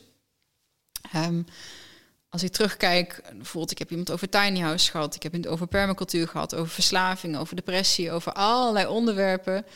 Ehm, en wat ik zie, wat ik nu hier ga doen, is een soort van smeltkroes van de meest mooie, prachtige thema's die, en, en ook stromingen die, daarbij, die daar aan bod zijn gekomen. Dus ja, er wordt hier off-grid ge- gewoond in een tiny house. We gaan hier permacultuur doen. We gaan hier eh psychedelic research doen. Eh, we gaan hier mindfulness doen, weet je. Dus Ja. uiteindelijk... Al het lekkers. Alle, alle le- het lekkers, ja, dat Ja. vind ik een hele goede woord daarvoor. Ja, ja, ja. Alle snoepjes die je verzameld hebt in een grote pot. Ja. Ja, ja, en alles wat voor mij gewerkt heeft. Want dat, ik weet niet of dat bij jou ook zo is, maar ik doe het dan ook echt. En dat is wat ik net Ja, beschrijf. absoluut, soms ben ik wel... Soms besteed ik vier uur per dag aan selfcare. Want dan is het een wandeling van twee uur en een half uur journalen... en nog een half uurtje in de sauna en nog een uurtje yoga. Ik bedoel, ik weet niet of ik mezelf dat zou gegund hebben of zo... als ik nog in die, die malle molen zit van continu maar gaan. Dus al die gesprekken hebben ook... Ja, wat je zegt, die inzichten en die, eh, en die tools en die habits. Hè. Je leert dingen kennen en op de een of andere manier krijg ik meer van, krijg ik meer van iemand mee en zijn boodschap als je face-to-face met elkaar zit. Ja. Eh, maar ik vond het ook met luisteren, want ook als luisteraar dacht ik, ah, je zit toch in iemands oortjes en het is bijna alsof je zo mee mag luisteren als een soort vliegen. Zo voelde ik mezelf altijd als ik naar een leuke podcast zat te luisteren. Denk, ik, wauw, deze mensen hebben gewoon een heel leuk gesprek en eigenlijk Ja. zit ik gewoon Ik mag erbij stiekem zijn. in de hoek van de kamer Ja. mee te luisteren, weet Ja, je wel? Ik had echt... Jij met Edwin dat was hilarisch. Vond ik echt. Dat was, jij met Edwin Selei in je podcast. Dat was, dat was een zalige podcast. Ja. Ja. Dat kan ik eh, de mensen echt wel aanraden. Een transformatiepodcast met Edwin Selei. Ja. Ja, ja, het is echt een hele bijzondere, bijzondere man. Over, over hypnose inderdaad, maar over verslaving eh, gehad. En, eh, eh, ik ben even tussen naam, maar over eh, manifestatie en visualisatie. Ja, Ja, nu zei laatst eh, de Daily Eddy, dat, eh, ik weet niet of dat je het volgt, dat hij elke keer een krantenartikel op zijn eigenzinnige manier eh, even leest, maar het is altijd hilarisch over COVID. En, ja, je kent dat. Oh, ja, Dat nee, is, ik, ik, ben, ik ben even een klein een, tijdje uitgecheckt geweest, omdat ik met zo'n groot ander pro- project bezig was, dus dat retreatcentrum. Ehm, en ook helemaal geen behoefte had om, om, om te, eigenlijk zelfs om te praten, niet. Ehm, nu pas weer, ja, of niet, sinds, sinds, sinds een paar maanden pas weer. Het is mijn telefoontje. Ja, dus ik denk, nou, als Timothy belt, dan, Ja, eh, dan moeten we. ja. Moet je ja zeggen. Ja, maar ik zag een transformatiepodcast. Ik zei, oh, het is al een paar maanden geleden Ja. dat er iets eh, nieuws uh, Ik heb er rec- recentelijk weer eentje Ja, ja, ik online zag het ook. Ik zeg, eh Ja. Jeannette is weer... eh, En misschien ook eh, je- om ze dan in virtueel via Zoom te doen, vond ik minder leuk. Ja. Ik had een aantal internationale gasten waar ik heel zenuwachtig voor was. Dus dan is ook mijn eigen perfectionisme wat me ontzettend in de weg zat. Dus dan mocht ik er ook wel mee, mee dealen. En nu het weer face-to-face kan. En eh, de eerste dan was met een, een, een chirurg. Degene die mijn eh, borstimplantaten eruit heeft gehaald eh, dit jaar in april. Ehm, en dat was eindelijk weer, oh yes, weet je wel, daar. En een beetje zoals jij zegt, je zit daar een half uur van tevoren, is al te gek. En dan zit je twee uur in een gesprek en dan nog een uur daarna. En je gaat echt weg met echt zo, wow, helemaal vol en opgeladen. Ehm, dus ik, ik heb er wel echt heel veel zin in. Eh, ik had alleen echt een gruwelijke hekel aan het schrijven van de blogpost en het... Wij ook. ja, Hoort- in, in het begin, SEO zeker in het begin, dat hoort erbij, maar Ja. Ja. wij, wij, hebben, eh, wij hebben mensen gevonden die, eh, die ons daarbij willen assisteren. Te gek, dat, is wel ja. echt, dat is echt heel fijn. Ik ben die mensen ook super, super dankbaar. Dus als ze dit horen, big shout-out. Want ja, zonder hun hadden wij ook geen 100 afleveringen. Had ik, hadden we het wel gedaan, maar dan had het ook wel heel veel gekost. Ja, ik heb, ze, ik heb een paar keer mensen ingehuurd en, of vrijwilligers gehad die me hebben geholpen. Uiteindelijk ben ik toch ook wel mezelf gaan doen. Ehm, ik kreeg voor anderhalf jaar terug ook een, uh, een boekencontract uh, aangeboden door een uitgeverij. Ook op basis van de podcast. Dus dat was ik helemaal vergeten. Maar wat heeft het je gebracht? Ja, een boekcontract. Um, waardoor ik dacht, ja, ik moet ze wel zelf schrijven, terugluisteren. Um, ook omdat daar een deel van de integratie en het verwerkingsproces uh, vindt. Misschien van tip. Wat ik uiteindelijk ben gaan doen, is de podcast op dubbele snelheid terug gaan luisteren. Ja, ja. Um, en toen had ik, en daar ben ik wel een beetje in doorgedraaid in perfectionisme. Ik dacht, oh, ik wil elke vraag die ik dan stel, heb ik opgeschreven, zodat ik op YouTube kan je dus hoofdstukken uh, maken, waardoor het beter vindbaar is door de zoekmachines. Oh, ja, je, dan ben je twee weken bezig. Op een gegeven moment dacht ik, weet je wel, dan is het zo'n project. Oh, ik wil de podcast, ik wil het, hè, meer nieuw publiek uh, proberen te bereiken. Nou, dan als SEO, dus je, je vindbaarheid in zoekmachines belangrijk. Want als mensen iets intoetsen en ze vinden je niet, dan uh, ja, de kans dat je spontaan op iemand zijn timeline terechtkomt, is natuurlijk heel klein. En dan kan je daar heel diep in gaan in keywords. Uh, allemaal trucjes met tags. Inderdaad, je kan hoofdstukken in YouTube-video's uh, maken. Dat kan ook bij audio. Waardoor dus een luisteraar makkelijk kan skippen. Nou, op uh, 3 minuten 20 wordt die vraag gesteld. En op 6 minuten 15 wordt die vraag gesteld. Daar zat ik op gegeven op dat niveau. En toen werd dat helemaal niet leuk. Even, nee, even gedaan en uh, dan dacht ik, nee, dat was hem niet. Jij bedoelt, je hebt even blogs geschreven. Dat, en ook uh, even met de minuten erbij, de ah, seconden erbij, kameraad. Weet het niet meer? Ik zal het u nog een keer tonen, zeg maat. ja, boos, omdat ik weet hoeveel energie dat mij dat kostte. Ik en er zijn mensen die dat, die dat fantastisch vinden. En ik had ook helemaal geen geld om er iemand voor in te huren. Uh, ja. En nu wil ik dat wel echt anders gaan doen. Hè. Nu na anderhalf jaar uh, of twee jaar uh, redelijk stil. Terwijl ik vanochtend ook iemand gesproken over social media. Wel, ik heb altijd gezegd, ja, ik, ik wil niet op dat podium staan. Ik hoef ook niet naar voren geschoven te worden. En nu denk ik, ja, nee, wat ik hier met het retreatcentrum ga doen, wordt het wel tijd om dat wat serieuzer te nemen. Dus ik, ik, ik ga nu ook, ook dat stuk wat meer, meer oppakken en kijken of ik wat zichtbaarder kan worden. En uh, dat perfectionisme, uh, speelt dat nu nog altijd? Of hoe heb je dat... Uh... Tuurlijk, ja. ja. Dat is gewoon een drive om dingen leuker en beter en mooier te willen maken. Zijn... Ik, ik, had daar gelogeerd in het huisje. Er staat daar een stukje verderop. Staat dan, kan je hier aan het zien? De luisteraars kunnen, als ze nu naar rechts kijken, kunnen ja. ah, bij die molen daar erachter, ja. Okay. En denk je, oh, ik zal hem even helpen. Ik mag hier gewoon logeren. De jongen die daar woont, zijn koelkast even schoonmaken van binnen nou, ik denk als ik nog een week langer had gezeten, had ik, uh, ik zijn hele huisje op kop uh, geschoond en gepoetst en georganiseerd. Dat zit gewoon.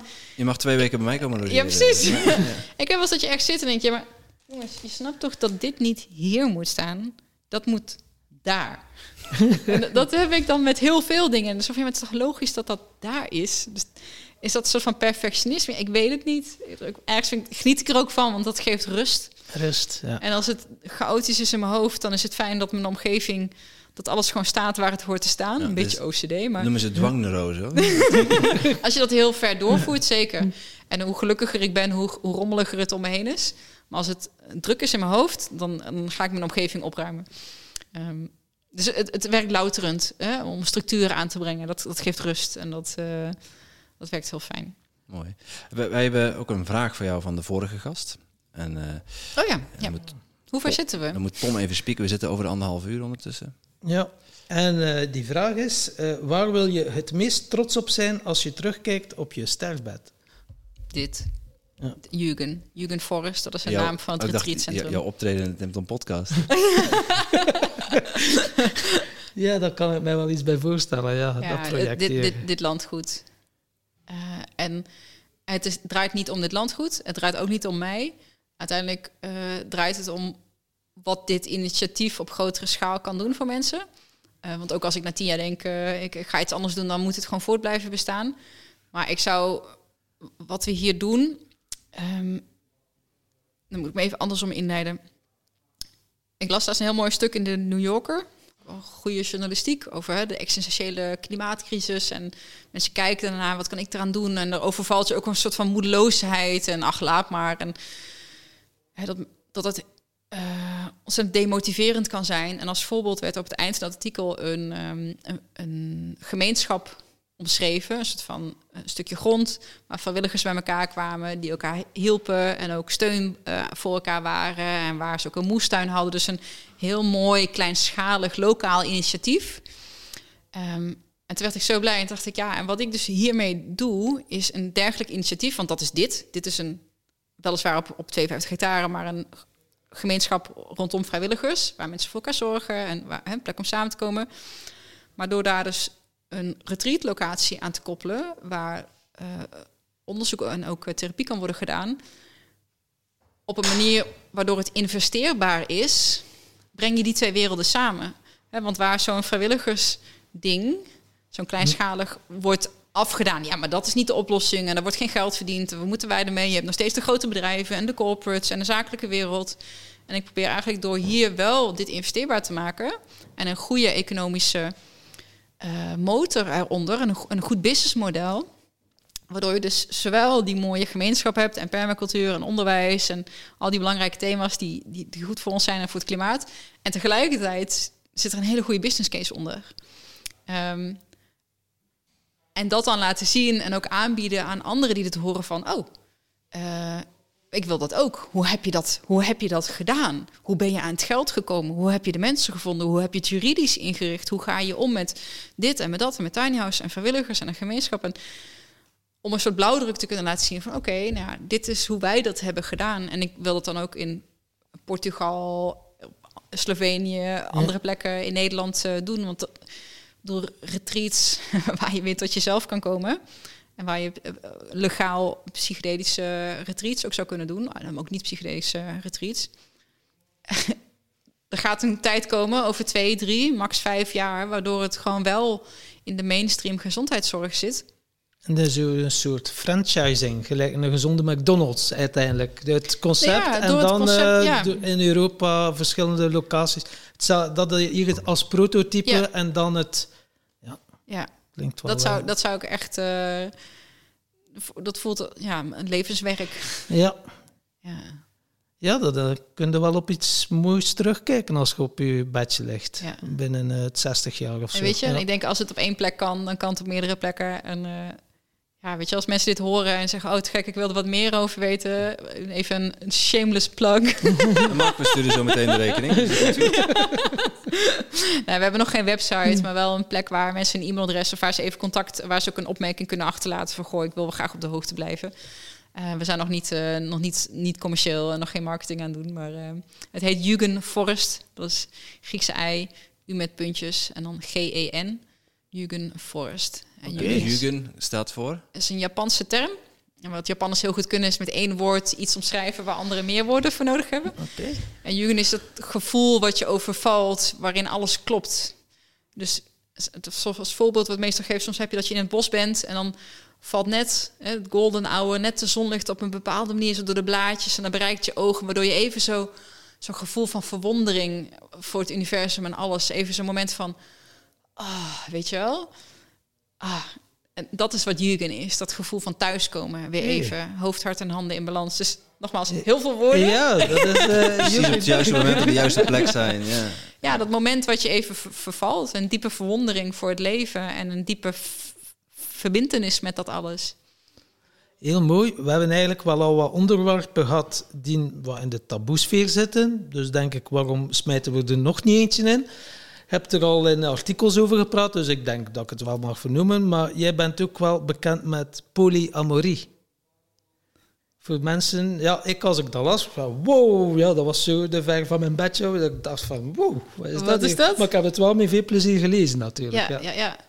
ja. Um, ja ik denk als je mij een label zou moeten of willen geven, zou ik, zou denk ik niet strikt onder polyamorie voor mij als persoon, maar wel in de relatie waar ik in zit. Nou, ik zal hem even concreet maken. Uh, mijn vriend, daar heb ik een vaste relatie mee, een latrelatie, heeft naast mij nog een tweede vaste latrelatie. Dus hij is drie of vier dagen in de week bij mij en dan drie of vier dagen in de week bij de ander en zo af en aan. Ehm, ja, het is non-monogaam en niet exclusief. Eh, maar wel heel nauw met elkaar verbonden en echt voor, voor, voor het leven. Uh, ja, we hebben het al gehad over goed met jezelf kunnen zijn. En bij jezelf kunnen zijn, een van de uitwerkingen daarvan is nu dat ik ook denk...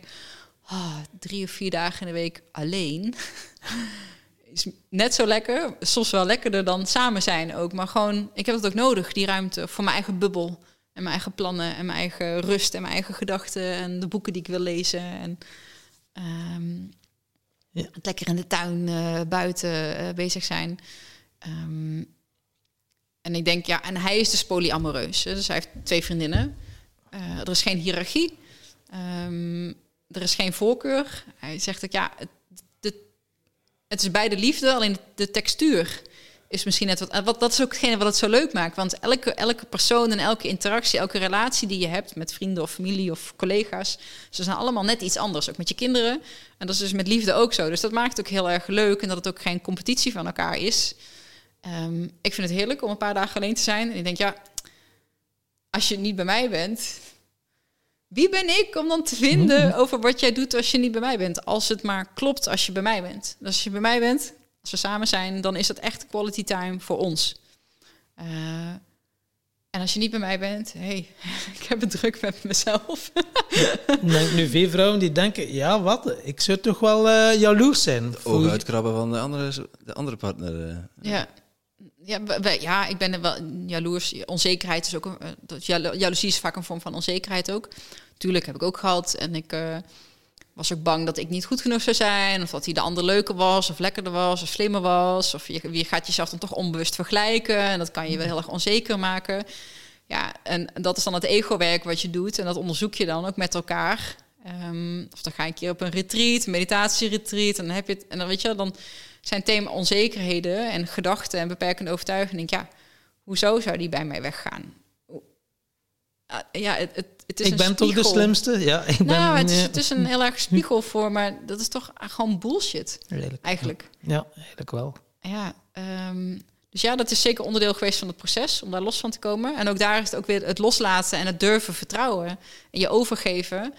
Eh, en ook hier denk ik, ja, oké. En als die ander dan leuker is en je wil niet meer bij mij zijn, ga dan ook alsjeblieft weg. Want ik heb liever dat je er niet bent dan dat je er bent, maar je vindt me eigenlijk niet zo leuk. Want heel veel relaties zijn dan toch, ja, het hoort zo en we kennen elkaar heel lang. Maar als mensen dan echt diep van binnen bij zichzelf te raden gaan, dan denken ze, ja, ja, ja, maar je groeit erin en dan is het nu eenmaal zo. Maar ik denk, ja, maar zo'n relatie wil ik niet hebben. Ik wil, als je bij mij bent, dat, dat, dat je dat echt wil. En niet omdat dat is wat we van elkaar verwachten, omdat dat zo gegroeid is. Gewoon die aanwezigheid, 100% er zijn. En als je elkaar ja. dan helemaal los durft te laten, echt los, los, los, los, los, en iemand komt terug. Het is net dat hij van vakantie terugkomt. Zo van, ja, Ja, en, en dat is een enorme bevestiging. Ik laat hem helemaal los. Maar hij blijft me terugkomen. Schopt hem iedere maand schop in buiten. En dan denk jij bijvoorbeeld niet, oké, hij doet dat, hm, ik ga dat ook doen. Ja, heb ik ook wel gedaan. En, eh, maar goed, eh, COVID kwam en natuurlijk anderhalf jaar ook niet gedate. En ehm eh, sure, er is ruimte en ik sta er open voor. Maar ik- ja, ik, ik heb het druk genoeg. Ik, Ja. vind- ja, het, is ook, het is ook een hoop. ja, eh, we hebben een hele close relatie. We bellen soms wel drie, vier, soms wel vijf keer per dag. En dat hoeven niet lang te zijn, maar gewoon even lief zijn met elkaar. Ja. En ik denk, ja, je wil dat toch hè, onderhouden. Ik moet er niet aan denken, omdat met twee of drie mensen. dat is een dagtaak. Nee, voor, voor mij is het een, een nachtmerrie. eh, als, als ik er alleen al aan denk van zo, als ik in, eh, in jouw partner zijn schoenen zou staan en, en mijn aandacht en tijd heel de tijd zou moeten opdelen, dat zou me echt slopen. Ja, dat is, eh, eh, ja, in het begin moet- is dat ook zoeken naar een vorm die past. En, Als de liefde groter is dan. eh, ja. en iedereen kleedt het op zijn eigen manier in. Bedoel, dit is toevallig wat voor ons werkt. Er zijn andere mensen die het op een andere manier. Een vriendin van mij heeft gewoon een vaste vriend, maar die date daarna ook. En die heeft daarnaast nog iets van ja, een paar jongens die ze af en toe, weet je, dan, dan weer die en dan weer die. En dan, ja, waarom niet? En ik denk, ja, eh, ik vond het heel fijn om iemand te durven loslaten.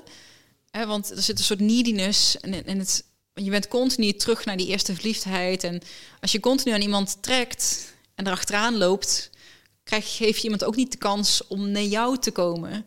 En dat is natuurlijk het moeilijkste wat er is. Van oké, dan, dan hoop ik maar dat je naar mij terugkomt. Eh, maar dan komt iemand terug.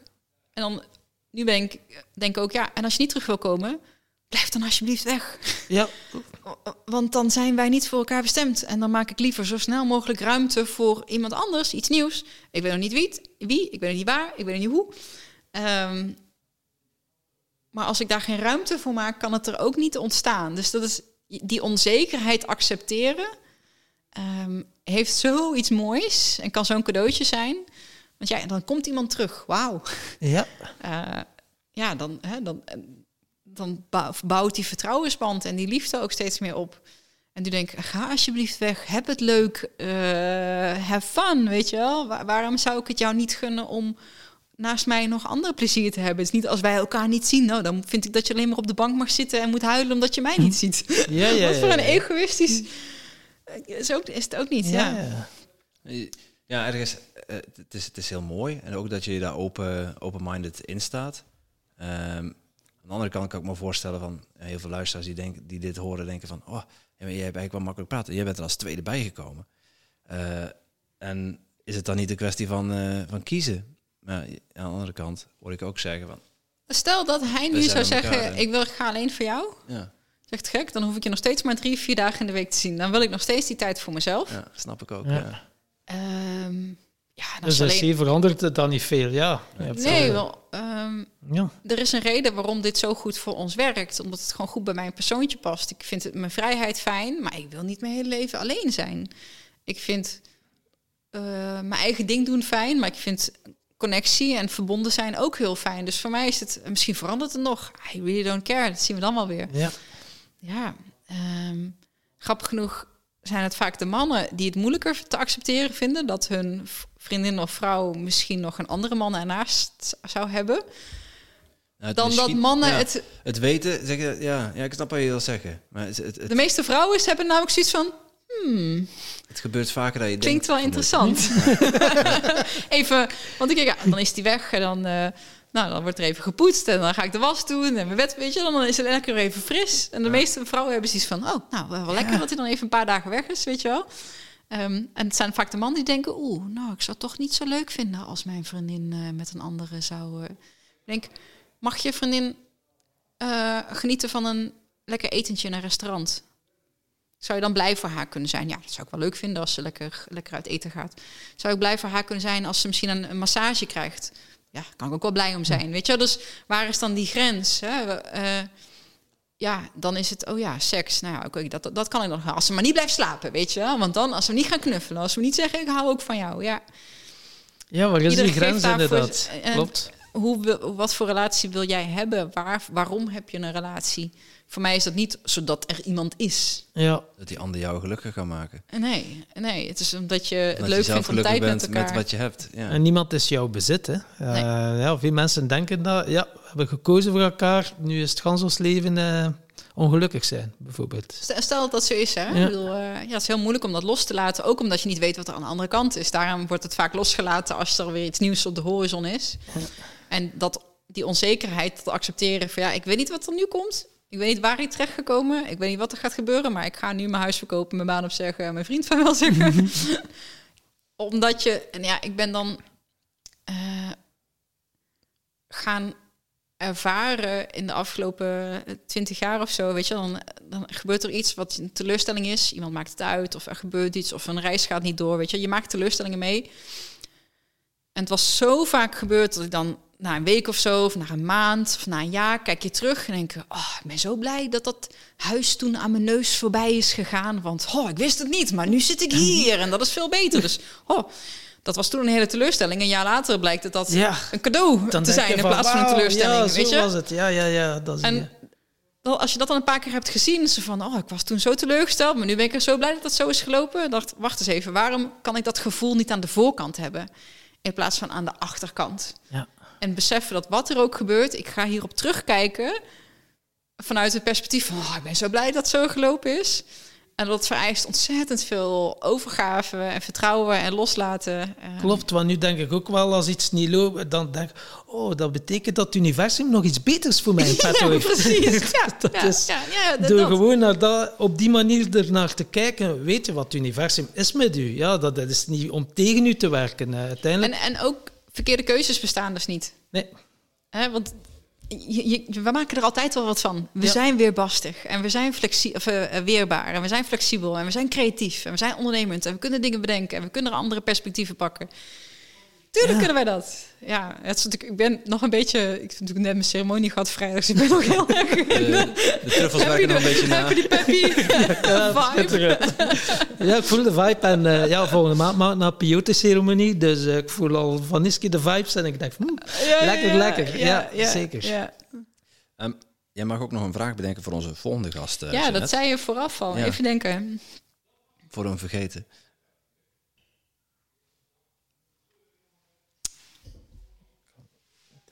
Mm. Ja, je wilt natuurlijk ook niet iets eh, afgezaagd. Dus ik weet natuurlijk ook niet wat vorige gasten hebben bedacht, maar...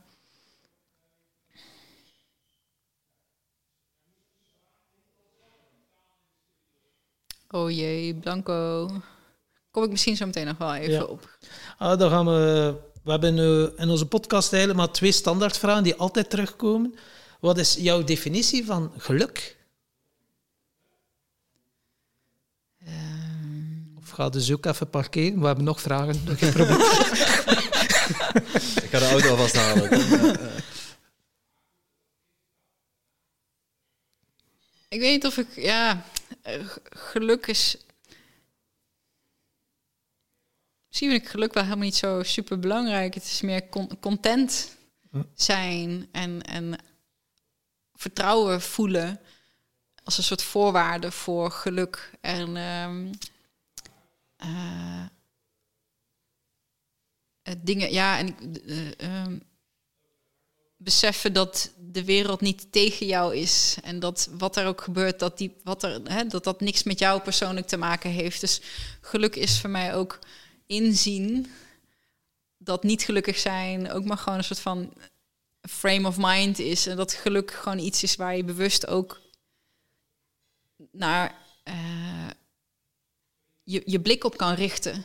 Want in elke situatie zit iets moois en iets liefdevols en iets, iets, iets hè, dus dat geluk ervaren. En ik denk dat geluk misschien ook niet het juiste is om na te streven, hè, want dat het ook zo'n soort van high nastreven. We zijn niet altijd gelukkig en blij en, eh, en deze stemming. Ik denk dat geluk dan ook is accepteren dat je soms ook niet gelukkig bent. Hè? Dat het leven geïntegreerder is dan dat. Het is eigenlijk een beetje zoals een muntstuk. Je hebt zowel altijd kop en munt. Dus eh, als je het opraapt. Ja. Dus, Misschien weet ik nu ook wel de, de vraag voor de Ah, volgende gast. Ehm, Mooi. eh, het is een vraag die jij mij hebt gesteld, volgens mij. Wat is je meest recente eh, levensles? Of meest recente inzicht dat je hebt opgedaan? Het gaat natuurlijk altijd over persoonlijke ontwikkeling. Dus, Ja, eh, die hebben we nog niet gehad, eh Jeanette. yes! Je hebt hem. Soms komen vragen inderdaad een keer terug hoor. Ja, ja. Maar ja, we hebben altijd andere gasten, dus eigenlijk kunnen we ook de vragen eh, terug laten komen. ja. Andere gast betekent een ander antwoord. Maar heel mooi, ja. ja. Dan kan ik die niet meer stellen. Ja, je, hebt hem al, je hebt hem al gesteld. Ja, ja, maar Ja. kan ik het niet meer stellen volgende keer zelf. Ja. hè. Ja. Hey, tof. Ehm, ja, geluk en succes. Tom zei het al. Eh, succes, wat betekent succes voor jou? Eh, dat dingen eh, moeiteloos gaan. Dat is in totale flow en overgave. Ehm, en niet per se iets bereiken, maar ehm, eh, als ik kijk wat geluk en wanneer hoofd, hart en handen in balans zijn, waarin je echt merkt van oh, wat ik nu aan het doen ben, is de beste capaciteit wat mijn hersenen kunnen. Dus de, de, de, interesse die ik heb, de, de, de, de, skillset die ik heb, sorry, de interesse, de, de, de kennis die ik heb.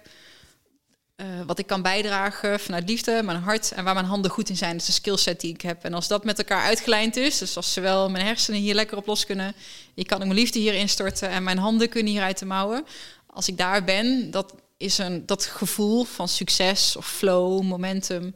Ehm, dat is wat succes voor mij is.